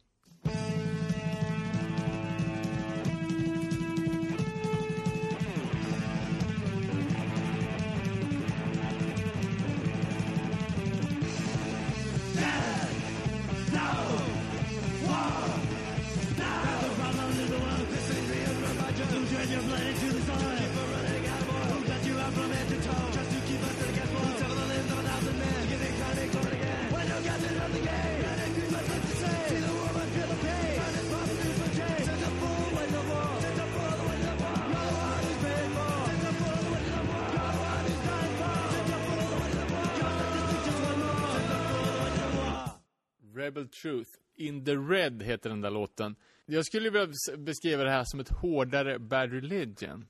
Lät för fan sjukt Bad Religion med körerna. Ja, nu var det, nu vart det den här låten för att den satt, var som ett löst, en lös mp3. Eh, den andra var hela sjuan i ett. Eh, så det finns andra låtar på den här som är ännu mer Bad Religion skulle jag säga. Band som då bara, bara släppte en handfull låtar, var aktiva mellan 81 och 84. Det tycker jag är jävligt bra. Och just med de här melodiösa Ooze and Ace-körerna som det är ju inte så många som, som varken använder sig av dem eller klarar av dem på den här tiden. Ett eh, band som verkar stå väldigt högt i kurs bland de äldre US Hardcore-snubbarna i Sverige faktiskt. Ja. Och det tror jag är mycket tack vare deras medverkan på Not So Quiet-samlingen som Alternative Tentacles släppte. Extrem distribution på den, så att den var nog lätt att få tag på. Ja. Och, eh, men det verkar vara många som har fastnat just för Rebel Truth. Bra band. Ja, nej men det är ju- det är det är lättlyssnat och på den samlingen, det är väl en dubbel-LP med fan, kan 60 låtar liksom. Eh, så sticker de ju faktiskt ut för att de är, det, det är ju jävligt catchy. Jag läste, eh, kollade upp den här, den här sjuan och på Discogs så står det en sak och i Flex diskografiboken står det det motsatsa, motsatta. Att den finns i två pressar. En DIY-press och en som är släppt på Version Sound. Vet du vad som är vad? Jag har den på, nu, ska, nu tror jag att jag har ljugit för mig själv. Enligt Discog så ska jag ha den på version sound, men det är väldigt tveksamt att jag har det. Ja. Jag, jag tror att det kan vara så att det bara fanns en variant på Discogs från början. Ja, och jag har nog troligtvis eh, lagt till den bara för att ändra Ja. när den andra kom. Ja, och visst. varit Ja. för slö att lägga till den själv, den jag har. Ja, för jag, jag visste inte ens att det fanns två olika. Men jag har en, inte originalet, det är det enda jag vet. All right. Ja. ja, för det finns ju också två, eller två varianter. En med svartvitt omslag och en med svartvitt med lite tuschat. Typ marker på den här. De har ju liksom sin eh, yin- yin-yang-symbol med R och T. Version Sound är ju också ett, liksom, jag vet inte hur många, hur många släpp de gjorde, men det är ju en jävla fin katalog. The Kreutzen, Chaos and Beers 7 Negative Element och sen Article of Fate som kanske är den största. Och så den här då. Och några grymma tejpsamlingar. Okej, ja, de, de har jag inte kollat. upp. Shard Remains kom ju på Ja, just det, på Radio Ring. Radio Rahim återsläppte den. Och eh, även två som heter Meat House 1 och 2. Ja. Ja, de har inte, de är, den, den första vet jag vilken det är, men de andra har inte kollat upp. Ja, Jag läste någonting om om den där Shard Remains, och det är så många låtar på den. Det var så jäkla jobbigt att göra det där återsläppet. För du ska få kontakt med alla band, Ja. få okej från alla band och eh, allt sånt där. Det var ett jäkla de- detektivarbete. Så att jag är osäker på om de kommer göra mer såna här samlingar. För det tog så mycket eh, tid i anspråk Ja. från annat. Ja, ja men här, det finns ju alla de kassettsamlingarna från, från den här tiden, liksom när man bara tar ett 90 minuters band och fyller. Ja. Och sen kopierar upp för husbehov liksom. Det är ju... Ja, det är sjukt många. Ja. Bara- Bara i Sverige så finns det ju en ändlös variant av, Klakmixer. Ja, Ja. och eh, Let's Burn och vad de nu heter allting. Så att det är ju helt omöjligt att ha koll på. Om man inte bara koncentrerar sig på det. Nu ska jag samla svenska tapes eller bara tapes. Ja, ja, det finns ju såklart folk som har som, som livskall också. Men det är ett jävligt grymt band och eh, de är ju med på, på lite olika komps också.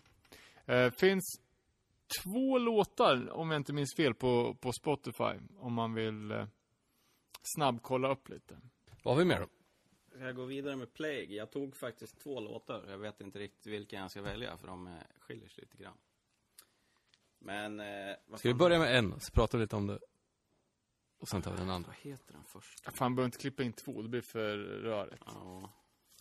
Ta... Losing my mind heter den första. Ja, ta den för att den är lite annorlunda mot det andra materialet.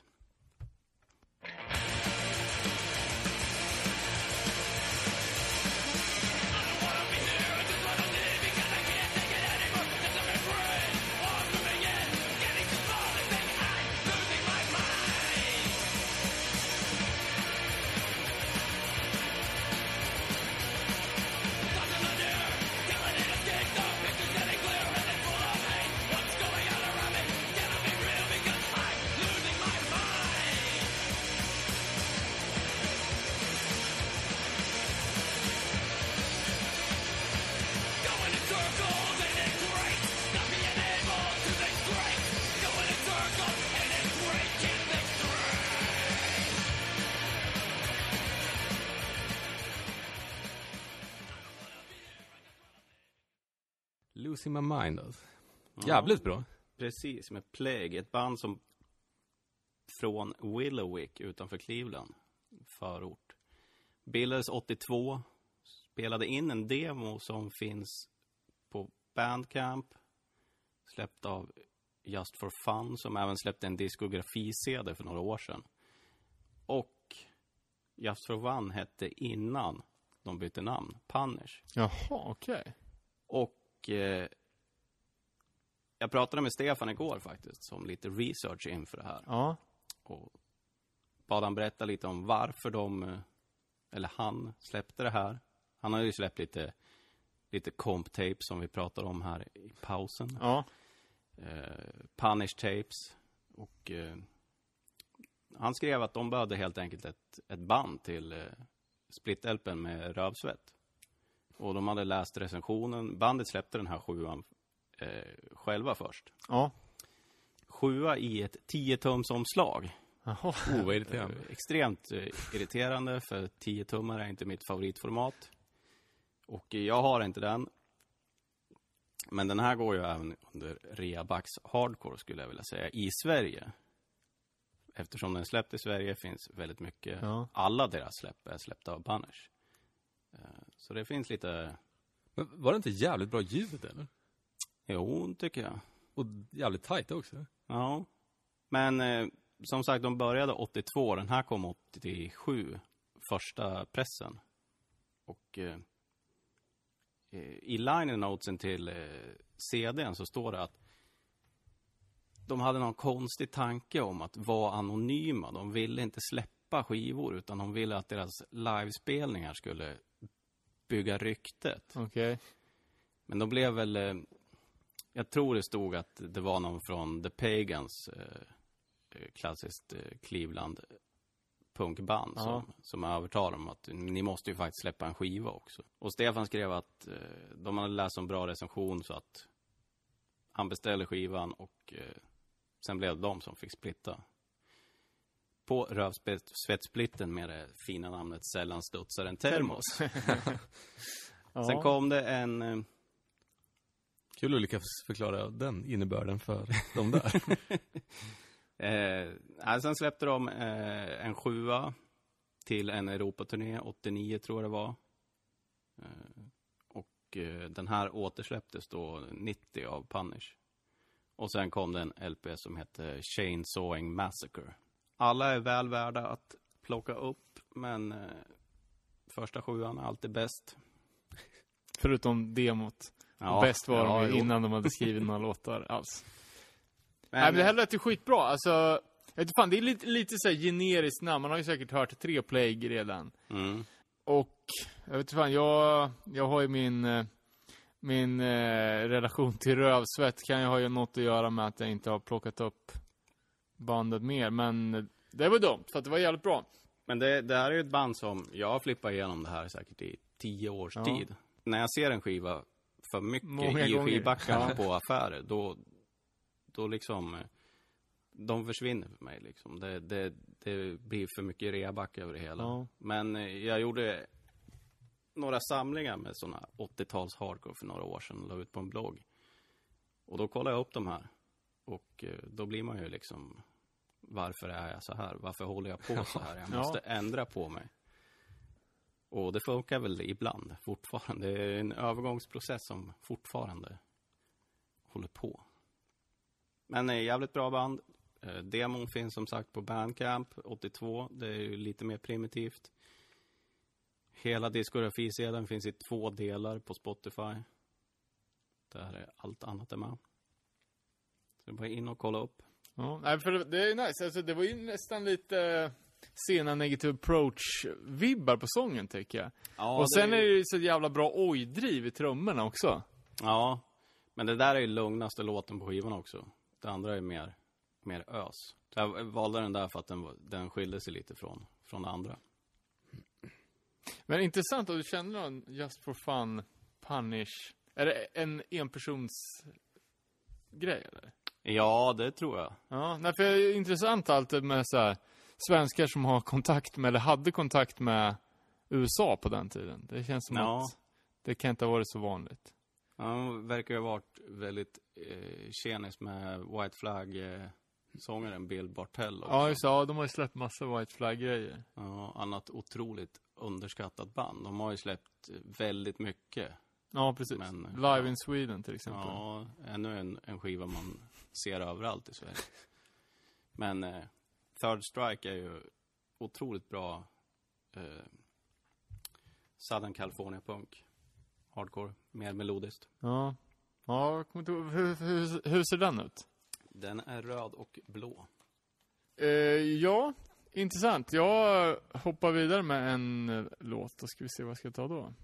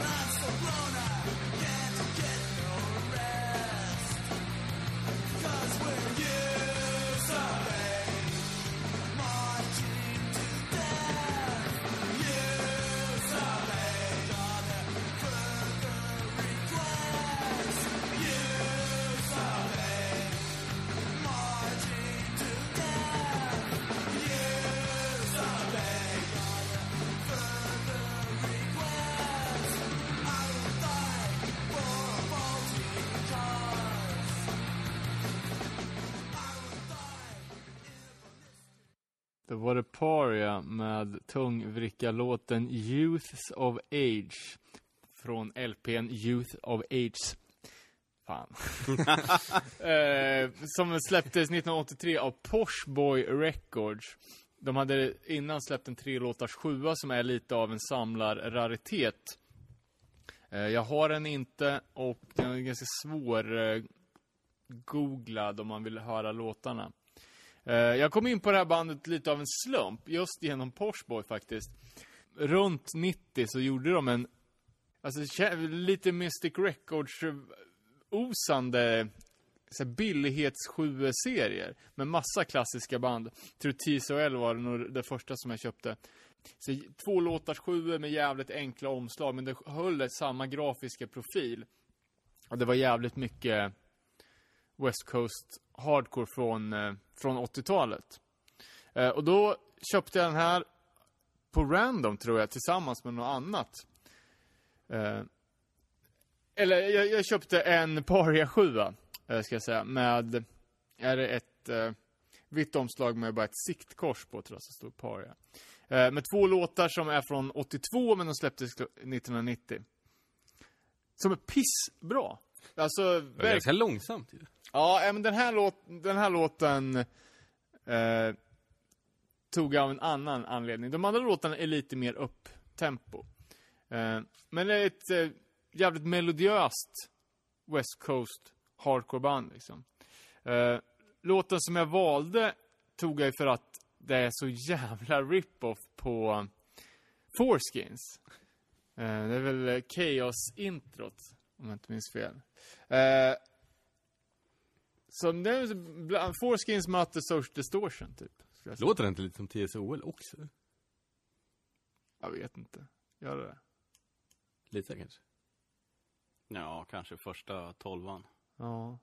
De ändrar, TSOL ändrar ju sig Hela tiden. väldigt snabbt liksom. Jo, nej, men det finns ju någonting jävligt eh, LA Hardcore betonat över hela grejen. Men, men de här sjuorna som Porsche Boys släppte då på 90-talet. Ja. Jag har lärt mig att eh, alla de här låtarna är från gamla Porsche Boys-samlingar. Okej. I princip. Och sen lägger de till en B-sida från samma session eller. All right. För nu när jag har kollat upp eh, många band, till exempel Target 13 som gjorde Rodney on the Rock eh, Anthemen på en samling Ja. med samma namn. Ja, då är det en B-sida på den och så, så det är väldigt mycket med det här. Okej. Ja, Ado- de... Jag tror att det finns en Adolescence också, en split med Circle Jerks. Och då är det Amoeba i Ja, originalversionen just som är, är hälften så lång. För den på, på LPn är ju väldigt lång. Och utdragen. Ja, Så att eh, det Ja. var nog lite en sån här, jag förstår. Återvinna gammalt skit. Ja. Men, men eh, de är ju också Rebax Hardcore, men jag tycker det är mycket, mycket bra grejer. Men, men hur många finns det i den serien? Ja, vi är ganska många. ja, jag satt och 20-tal. kollade jag. häromdagen, ja, 10-20 stycken. Så jag vet inte, Rodney on the Rock, det är väl tre minst i den serien. Ja, Sen gjorde tre de ju, finns det. Vad fan heter den då? Porsche, kan den heta Porsche Boy Greatest Hits eller någonting? Två Porsche stycken. Hits tror jag den heter. Ja. Och sen kom ju den där samlingen som jag köpte på Banan Moon när vi träffades för två veckor sedan. Som heter Blood on the Rock. Fast det tror jag är en sån här UK-release. Ja. Där de har tagit det bästa från. All right. För Rodney on the Rock, de hade alltid punk hardcore på ena sidan och new wave på B-sidan. Men den här Blood on the Rock, de har bara, Bara punk hardcore, hardcore. Ja, lite sexigare omslag också tycker jag. Ja. Jag har fan aldrig gillat de Rodney on the Rock-samlingarna. Så det ser så jävla... ja de, är, de är coola. Första... Ja, det, är, det är bra grejer, men de ser ju ut som något annat. Ja. Ser ut som en rockabilly-samling, typ. Första pressarna kommer ju också med fanzine. Ja, det är fett. Som jag inte har i, jag tror jag bara har tvåan. Men den saknar ju fanzine såklart. Och apropå Rodney on the Rock så träffade ju Krippe undergång honom i USA på en diner. Okej, hur fan... Nej, de, de Hur satt känner på man en... igen honom? Ja, han har ett väldigt speciellt utseende, så det är lätt. Ja, det är ändå eh, ett radioutseende. Ja. ja. Han hade bara suttit där och jag frågade Krippe om det, om det var förra året. Hur, hur, hur gick det där till? Nej, han, vi satt på samma diner, så kommer han in.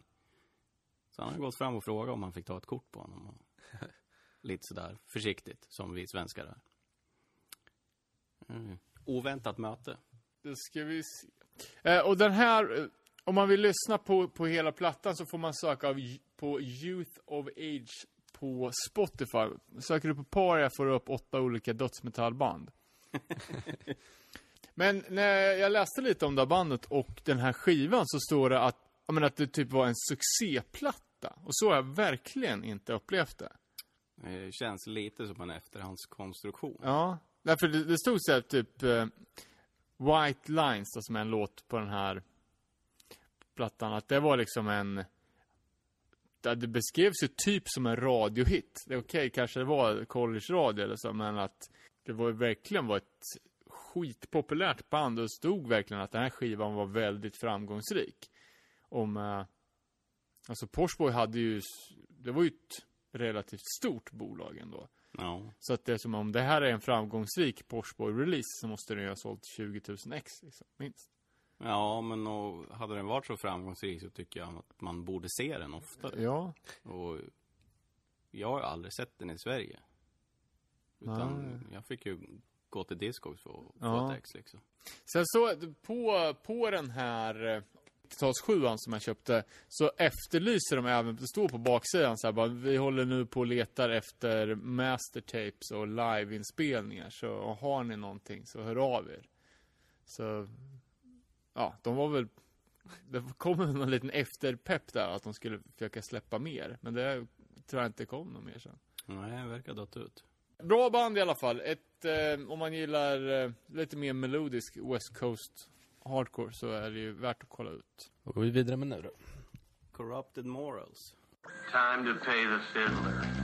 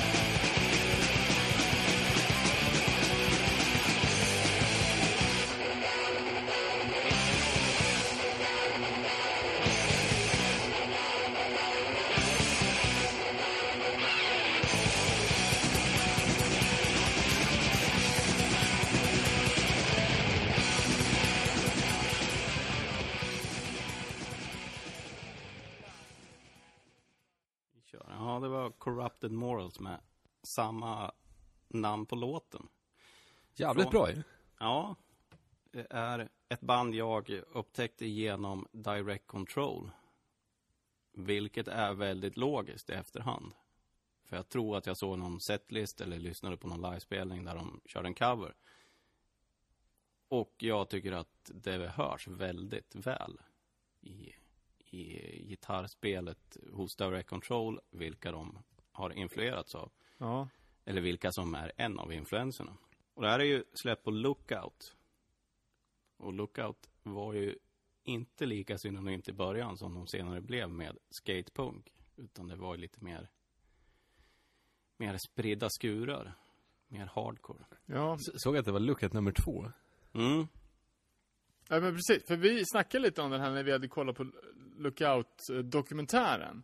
Eh, För jag varit också lite förvånad i dokumentären att bara, ja, men ett av de första banden i den här, eh, när de bildade Gilman-scenen var då Corrupted Morals att det var liksom ett ren, renodlat hardcore-band. Ja. Det, det kändes ju så jävla, ja men super eh, rancid Operation Ivy punk liksom. ja, precis. Så jag varit lite förvånad.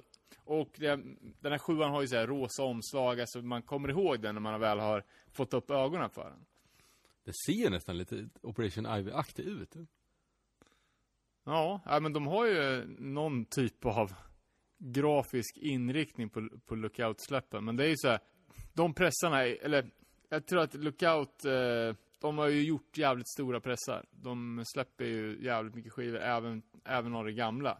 Så det där är ju sånt man har sett miljoner gånger men aldrig gett en chans. Sen såg jag på att det var eh, Larry LeMond som eh, Ja, precis. Det Eller- har jag här i mina, mina anteckningar. Eh, det här bandet släppte en demo, en 14 låtars demo. Svinbra. som så, så jävligt thrash metal betonad ut. Ja. Eh, det kom en sjua sen, om det var runt 90, med sex av de här låtarna. Okej. Som jag inte har än. Eh, Och sen kom den här sjuan. Och sen kom en LP som heter Cheese It. Riktigt risigt omslag. Ja, skitkonstigt. Mm. Där Larry LaLonde från LaLonde. Possessed och Blind Illusion är med. Det är ju väldigt... Och Primus Ja, eh, han eh, gick ju senare vidare till Primus. Och det, det är så ologiskt eh, steg från Possessed som är ganska teknisk trash, tidig döds. Till Blind Illusion som är prog trash. Och så går han till Corrupted Morals. Som på LPn har lugnat ner sig lite men det är ju fortfarande eh, hardcore fast lite mer melodiös variant. Ja. Och sen eh, gå vidare till Primus då, som är Som är vad de är. helt bisarrt. Eh, Men eh, ja, det är ju kul med, med kontraster här i världen, kanske han tyckte. Ja, det kan ju ha varit så att han bara hakar på sina polare. Eller som, han tyckte det var kul att spela gitarr och han var med på Ja, men det som bjöds. scenen var ju lite mer i, ihopmixad på, på den tiden tror jag. att Man gick nog och kollade på metalbanden som spelar på The Farm. Och, och metalsnubbarna kollade på punk och hardcorebanden också. Så att eh, det var nog många bonds som uppstod där genom att supa och röka gräs eller vad de gjorde. Och, och lyssnade på ösig musik. Men det här är ju ett band också som eh, de spelar lite nu verkar det som. Ja, jag såg, jag såg sporadiskt och liveklipp med farbröder med bockskägg och keps. Ja, och eh, Billy Joe Armstrong har ju varit med i det här bandet i sluttampen. Okej. 80, 89, 90 där. Så att Ja, det det fin- han nog finns lite bilder på. Facebook med honom med långt hår. Han, eh, jag vet inte om han deltog i någon, någon återförening eller inte. De, Okej. de har lagt ut så mycket som man, man sållar ju vidare. På Facebook, det är mycket scroll, scroll där liksom. Så att, lite kuriosa. Men eh, bra band. Eh, svårt att eh, upptäcka kan jag tänka mig med, med dessa rosa omslag och Gissar att den inte är svindyr heller då? Nej, den är inte det.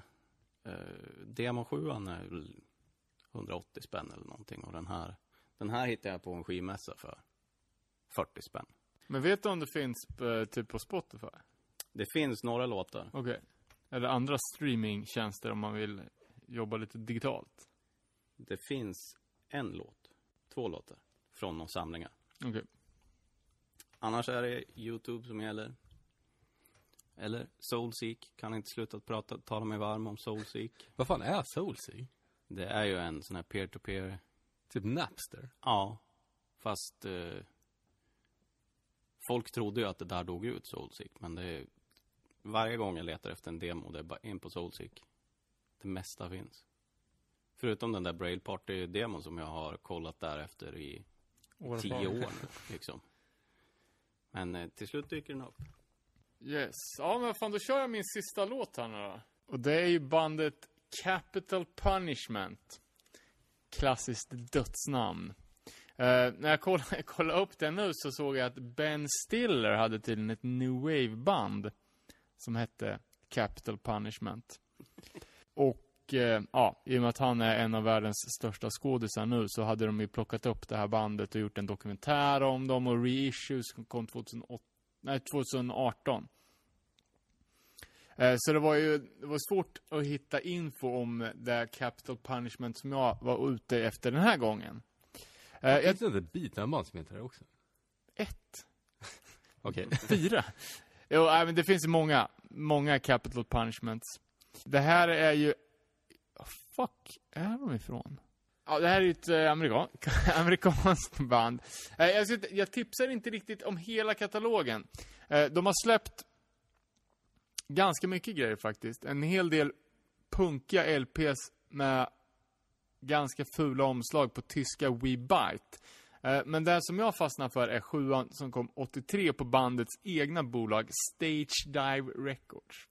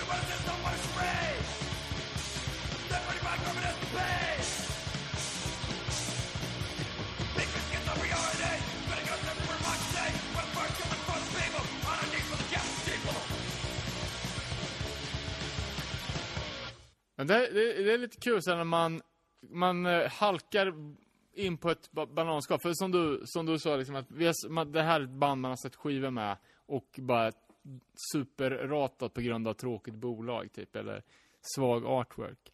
Så snarare, eller kom in på det via något annat och bara, åh, den här skivan är ju skitbra, liksom.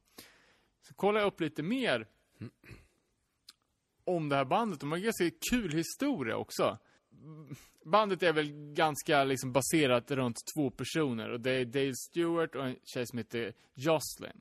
Eh, och båda kom från olika punkband. Alltså det här är ju tid... Capital Punishment bildades 81, så det, det är ett gammalt band. Men de hade liksom mer renodlade punkband, lite artpunk.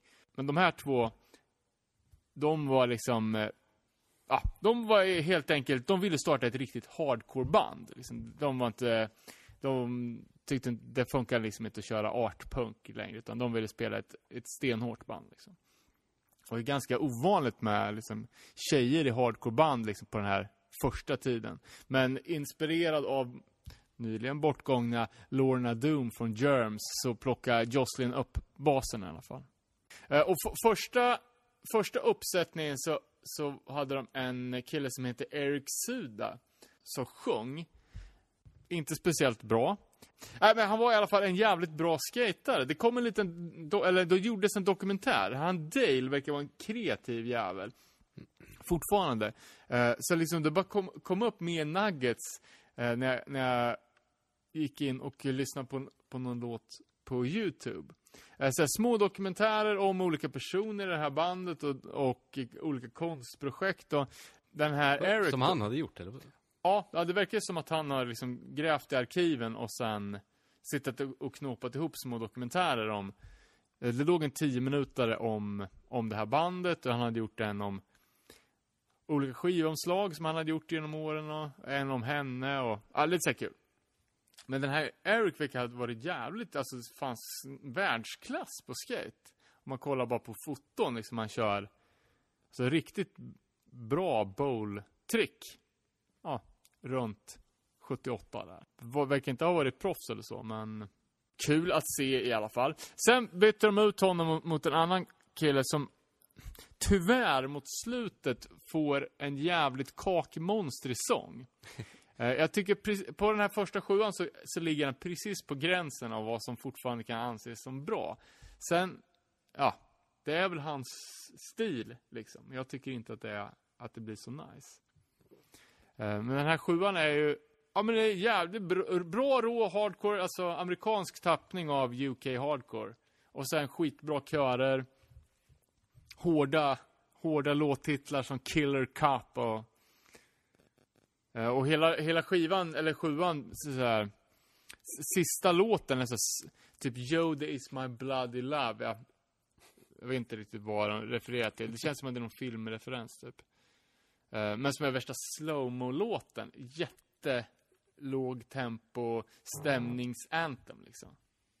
Men det är ju en grej som tyvärr är väldigt vanligt på eh, amerikanska hardcore-skivor från 80-talet. Att de ska ha den här Dirge-låten, som det kallas. Dirge, den här slöa, eh, repetitiva, tråkiga låten. Ja, men nästan lite eh, krautvarning. Ja, det är så många som har det.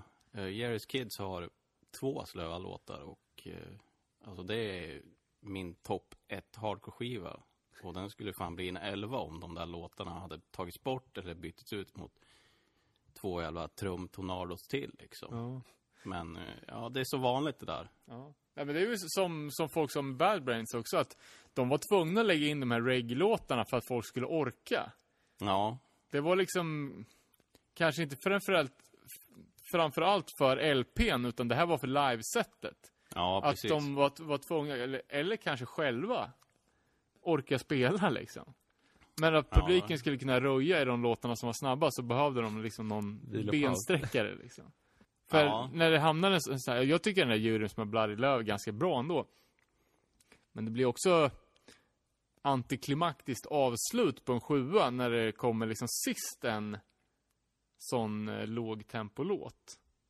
Ja, det hade väl kanske varit lite smartare att lägga in som låt två av tre på en sida eller Ja. någonting. Men eh, jag gillar ju faktiskt eh, deras första LP också, Slum with a View. Ja, Ja. den har jag inte lyssnat så mycket på. Jag lyssnade på den som kom efteråt. When push, Push come come, to to, shove. Ja, men det, det, det, precis den skivan, det är ju den här eh, skivan som jag har sett tusentals Ja. gånger och bara bläddrar förbi. Pissfull. eh, och så nu, när jag kan tänka mig att köpa den, så hittar jag den inte. Nej, och helt plötsligt så är det en 100 dollars skiva. Ja, det, det skulle inte förvåna mig, men det, är- det är ofta sådär att, ja men den här ser jag överallt. Och så tänker jag att Jag köper den nästa åker, gång. Ja, åker till Stockholm, runt på alla skivbutiker, men hittar den inte alls. Eh, det är många sådana där, tyvärr. Men den kommer. Det är bara att vänta. Till slut så dyker de upp. Ja, fast nu är jag också på jakt efter den. Ja, Alltså jag kommer inte, jag kommer inte gå, så- gå, så, gå så långt. Eh, prismässigt. Eh, bandet säger sig att de var inspirerade av eh, Black Flag och Dead Kennedys när de, ah, när de valde att eh, göra ett hardcore-band. Det känns ju ganska rimligt. De gjorde också sitt första gig med guld-line-upen. Eh, Dead Kennedys, The Fix, Seven Seconds och dem. Ganska bra start. ja inte illa. Och bandet finns inte på, på Spotify, men man får, om man söker på Capital Punishment Band Fresno, som i staden, på YouTube får man upp dem. Annars blir, fanns jävligt mycket deprimerande dokumentärer om dödsstraff på YouTube. Men eh, just det, också där han Dave Stewart, eh, de grejerna som han har gjort, som fanns länkat där på samma, samma konto. De här olika små dokumentärerna som ja, de är tio år gamla, de har hundra ko- kollningar, men de är, det är ju jävligt kul personliga inblickar i, i den här scenen och hur de tänkte. Eh, och han verkar fortfarande vara, han är, verkar, verkar jäv- jävligt politisk aktiv. Jag vet inte om han har något aktivt punkband nu, men han körde eh, så här, typ politisk americana. Men höll på med, ja, det var väl han som drev det Stage Dive Records också. Ja, konstgrejer, film, musik. Så, alltså det är fett med folk som, ja, hade ett Som punk- gör någonting. men hade ett punkband för 40 år sedan som fortfarande, ja, det kanske inte spelar klapp-klapp-punk, men de är fortfarande skapar saker DIY, är liksom fortfarande politiska rebeller och... Ja, men då har han ju tagit med sig det ifrån punk. Ja, Att- del- deluxe liksom. Så det är jävligt kul. Eh, och i den här lilla 10 minuten då, så var det liksom, ja, avslutningsmontaget så, så listar de ju då, som var Fresno Hardcore 1981. Och då är det 14 band. 81? Ja. Så att jag tänker, ja, okej, nu nu var Capital Punishment det största. Och det var på min lista över obskyra band. Sen fanns det 13 band till från den, från den staden som är liksom next level obskyra. Så att det går alltid, det går alltid att hitta någonting som är mer obskyrt. Men eh, Capital Punishment överlag helt okej och den första sjuan tycker jag är jävligt väl investerad 200 Finns ju även i billigare WeBite eller återpress. Första skivan. All right. Hmm. Ja, jag jobbar inte med det då va? Avstickare till Kanada. 1984 hette det, låten.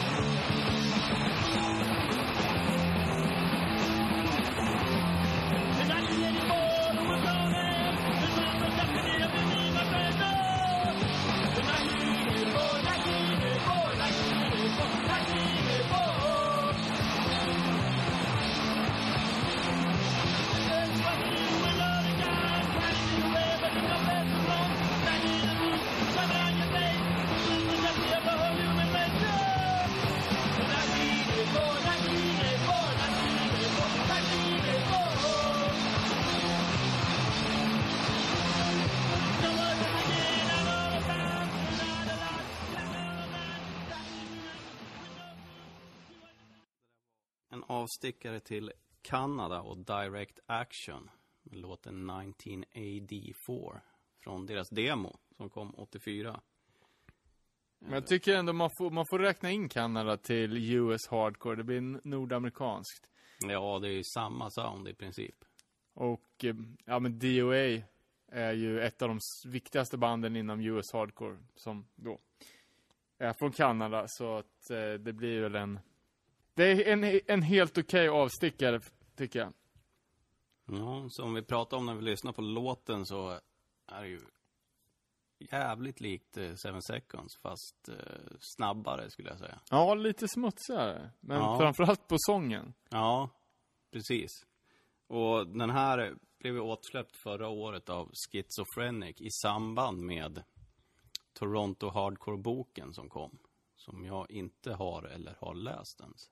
All right, det är jag tveksam Nej. på om jag känner till. Den här och ett band som heter Chronic Submission. Eh, deras andra demo tror jag var, eller om det var första, återsläpptes samtidigt av Schizophrenic till den här bok, eh, boksläppet. Och eh, de släppte senare en, en LP, eller senare, ett år senare släppte de en LP som är lite mer sansad men fortfarande bra ös. Kom också en samling på Bitscore 88 med låtar från LPn och demon. Ja. Inte hela demon och så det är därför den här återsläppet är värt att ha. Eftersom den samlingen är så konstigt for, formerad. Ja, alltså jag hade inte hört det innan. Det finns för, många direct actions, jag hade inte riktigt koll. Men det här var jävligt bra. Det Otippat finns, när vi kollar på omslaget dock. ja det är ju bara kryllar av nazi-referenser här. Allt ifrån, vad sa vi? 39 to 45 records och det är hakorstatueringar och totenkopf. Och ett övertruget hakkors på baksidan ska jag säga. Ja, någon liten eh, brasklapp som någon har, har tryckt in här. Andra tider, chockerande tider. Ja.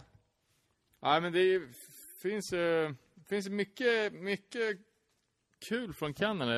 Eller, eh, Negative Gain har du säkert hört. Ja, ja. Eh, köpte den för, ja, tidigare i år. Tycker det är så jävla bra. Uh, finns ju massor med, med sån mid-era kanadensiskt som man har glömt bort lite. Ja, jag hade en period här jag köpte kanadensiskt, om det var förra året. Och det var inte planerat, utan det blev bara så. Det, det dök upp eh, kanadensiska eh, 80-talsskivor. Ja. Och det finns så sjukt mycket som... Ja, fan dålig. Jag köpte den där Sons of Ishmael. Ja, LPn. ehm, I väntan på sjuan. Hayseed Hardcore. Sen vet inte fan jag har något mer kanadensiskt 80-tals jox. har du inte Neos? Oh, den har jag också. Ja. Ja.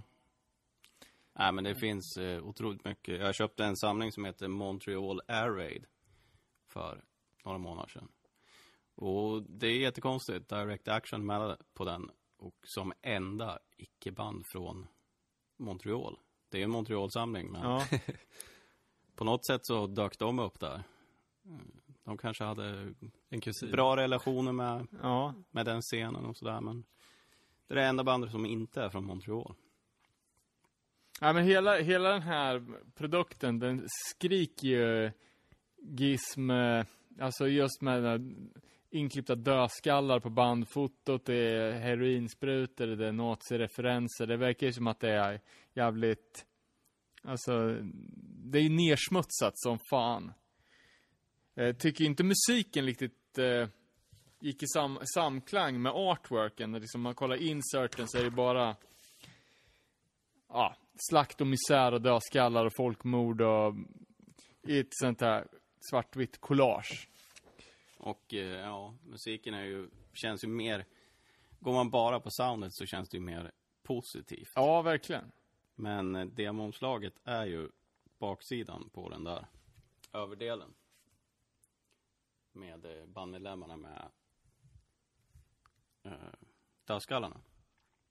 Punk is hippies. Ja, nej men det, det lät ju jävligt bra. Ska jag ta och eh, kolla upp mer? Rätt välgjord reissue också. Ja, jag, jag, vet fan. Har man, känner man till Schizophrenic eller? Ja, de har ju släppt väldigt mycket kanadensiskt genom åren och eh, De har, de har en ganska gedigen katalog.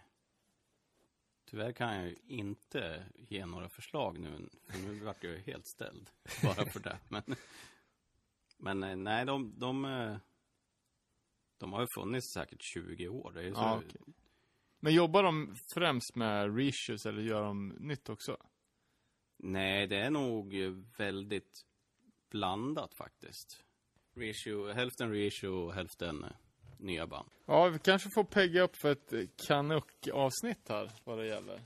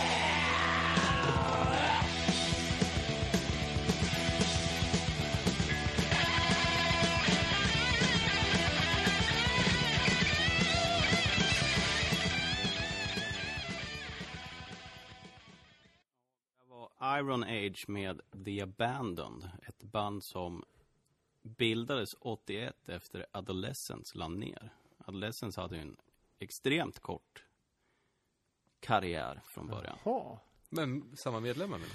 Nej, med, som han kallar sig här, Tony Montana.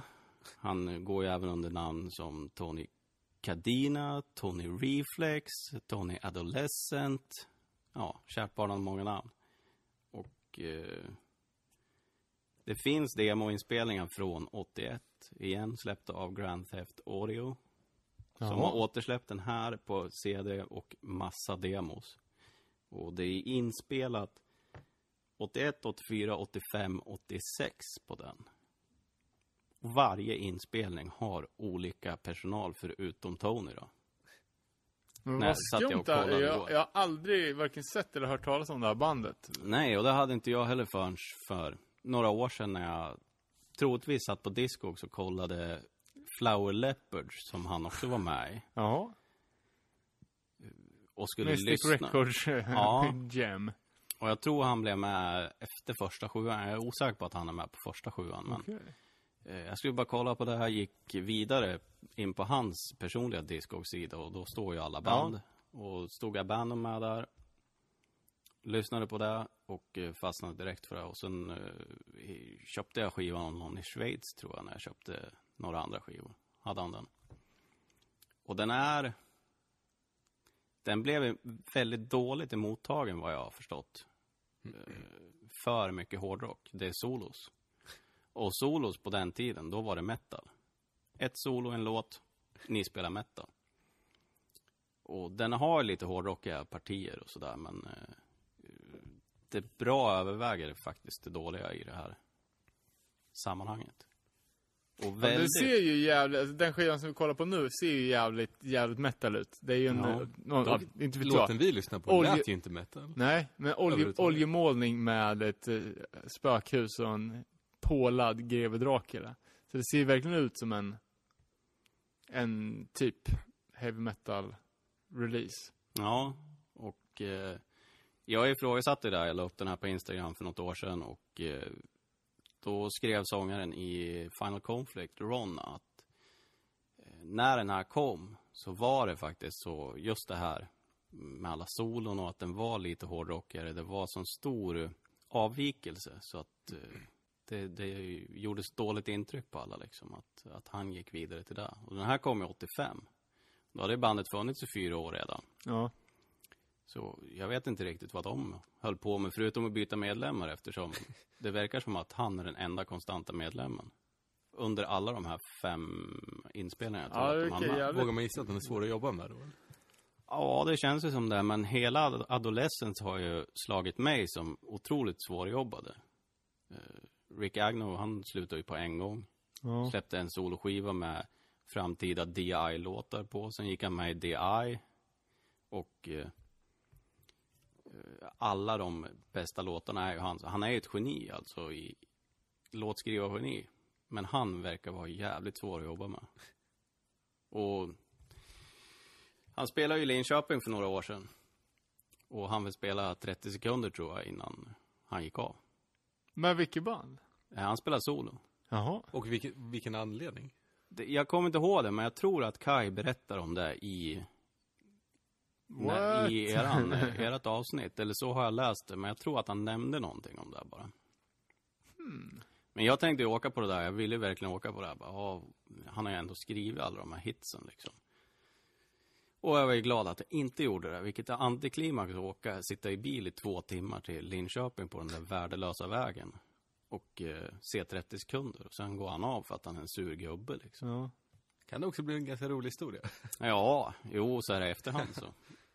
Men, eh, nej, som sagt, det känns som att alla de där, DI har ju också, eh, det är ju trummisen från första Adolescence. Ja, vi gjorde ju något, något jävla försök att reda ut de där banden och kopplingarna i Social Distortion-avsnittet, men jag har redan glömt bort. För, men det är ju samma, samma folk som spelat i alla de tidiga banden. Ja, men ja, DI har ju också väldigt många olika sättningar. Det är ju, men han är ju total heroinist, så att där finns det ju en anledning också. Ja. Så att, svår, säkert svårt att jobba med en, med en sån med sådana vanor. Men eh, det är kul att hitta sådana här grejer för att det där trodde man, han trodde man ju att liksom, jag, jag, jag visste om eh, Ads, som han, hans band från 90-talet. Ja. Trodde inte han hade gjort någonting emellan. För Adolescence återförenades ju 86 sen. Släppte Brats in Battalions. Så jag trodde det bara var dödtid emellan, men han var tydligen väldigt produktiv. Kul grej, återsläpptes tydligen nyss.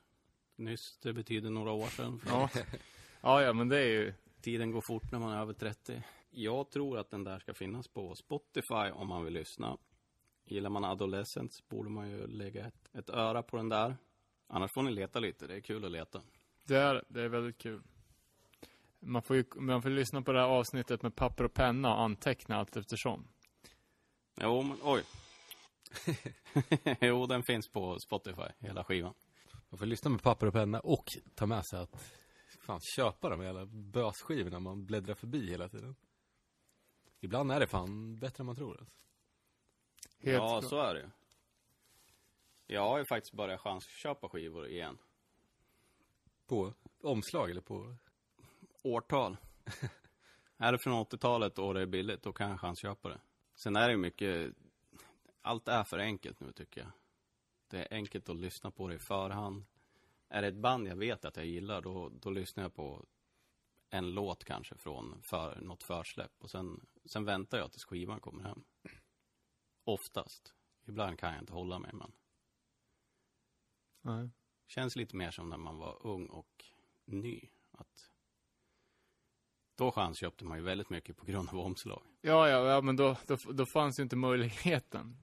I bästa fall så kan man få en två, nej, två rader, en halv rads beskrivning i postorderkatalogen. Ja, Men det kunde ju vara både missvisande och eh, rent felaktigt. Så, ja. Men då gav man en chans också. ja, exakt, ja, då, då spelar man ju vad som helst tills man dyrkar det, så att det spelar ingen roll.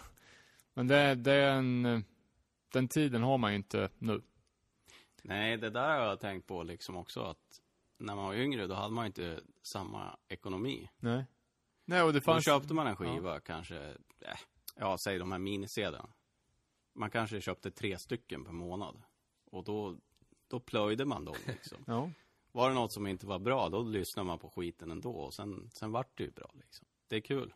Chansa. Fan, jag hörde någon, det var någon po- podcast som pratade om någon, någon rätt ansedd musiker, nu kommer jag inte ihåg vad fan det var, som sa att han, han skivsamlare som bara köpte dålig musik. Han var liksom klar med bra. Det var, jag tror också var i, punksammanhang. Liksom, att nu är jag klar med det bra. Jag vill liksom, jag, be, jag, behöver, jag behöver måla hela tavlan. Jag kan inte bara ha de fina färgerna, utan jag måste ha det bruna bakgrundsfärgen också för att Ja, jag, lä- jag lägger liksom ett mentalt pussel och jag behöver Eh, vill jag lyssna på bra musik så jag, har- jag har det också. Nu, Mm. nu tar jag det som är intressant och något som kan ha en historia eller, ja. Det, det finns fler aspekter än bara det musikaliska liksom. Jag tycker det är en ganska skön tanke liksom att, Ja, men det, det kan ju vara så här att man skulle ju kunna samla på scener liksom. ja. Alltså i Hicktown, New Jersey eller någonting. Bara, jag vill bara ha därifrån, även om det är skit också så hör det till den här scenen. Allt har ett sammanhang liksom. ja. Det kan väl vara någon sån tanke som finns också att Ja, ja, men så är det säkert lite. Krävs, väl två skitband för att det ska bli ett bra. Du. Ja, Ja. nej men... eh, Men det... Ja, vet fan. Ib- Ibland, ibland tolererar man jävligt mycket för att någon grej är cool. Och ibland så krävs det så jävla lite för att man ska dissa ett band. Som att det släpper WeBite eller Bitchcore eller... Ja, Ett font i omslaget man inte gillar. Exakt. Eh, ja, men ska det vara slutordet då? Eh, att man får ge saker en chans för att det kan vara... Det kan vara ett guldkorn där ute i punkmyllan som man missar annars. mm, fin sensmoral. Det är bra, man ska alltid sluta med en sensmoral. Nej men sjukt kul att du kom hit. Att Ja. vi fick ta del av det du har grävt upp genom alla de här åren av punkande. Eh, hoppas du kan komma tillbaka och snacka om något annat någon gång. Ja, ja kom gärna. Ja. Tack för att jag fick komma. Och tack för att ni lyssnar. Kolla in oss på de sociala. Vi kommer avgöra den otroligt spännande Misconduct-tävlingen. Sjukt bra respons på den. Och sen eh, när Robin har bestigit sitt berg och är tillbaka så återkommer vi i ett nytt avsnitt. Vad det ska handla om vet vi inte än, men något smalt blir det ju. Tack för att ni lyssnar. Shoutout till hela Burning Heart-crewet. Kul att träffa er igår. Hej då.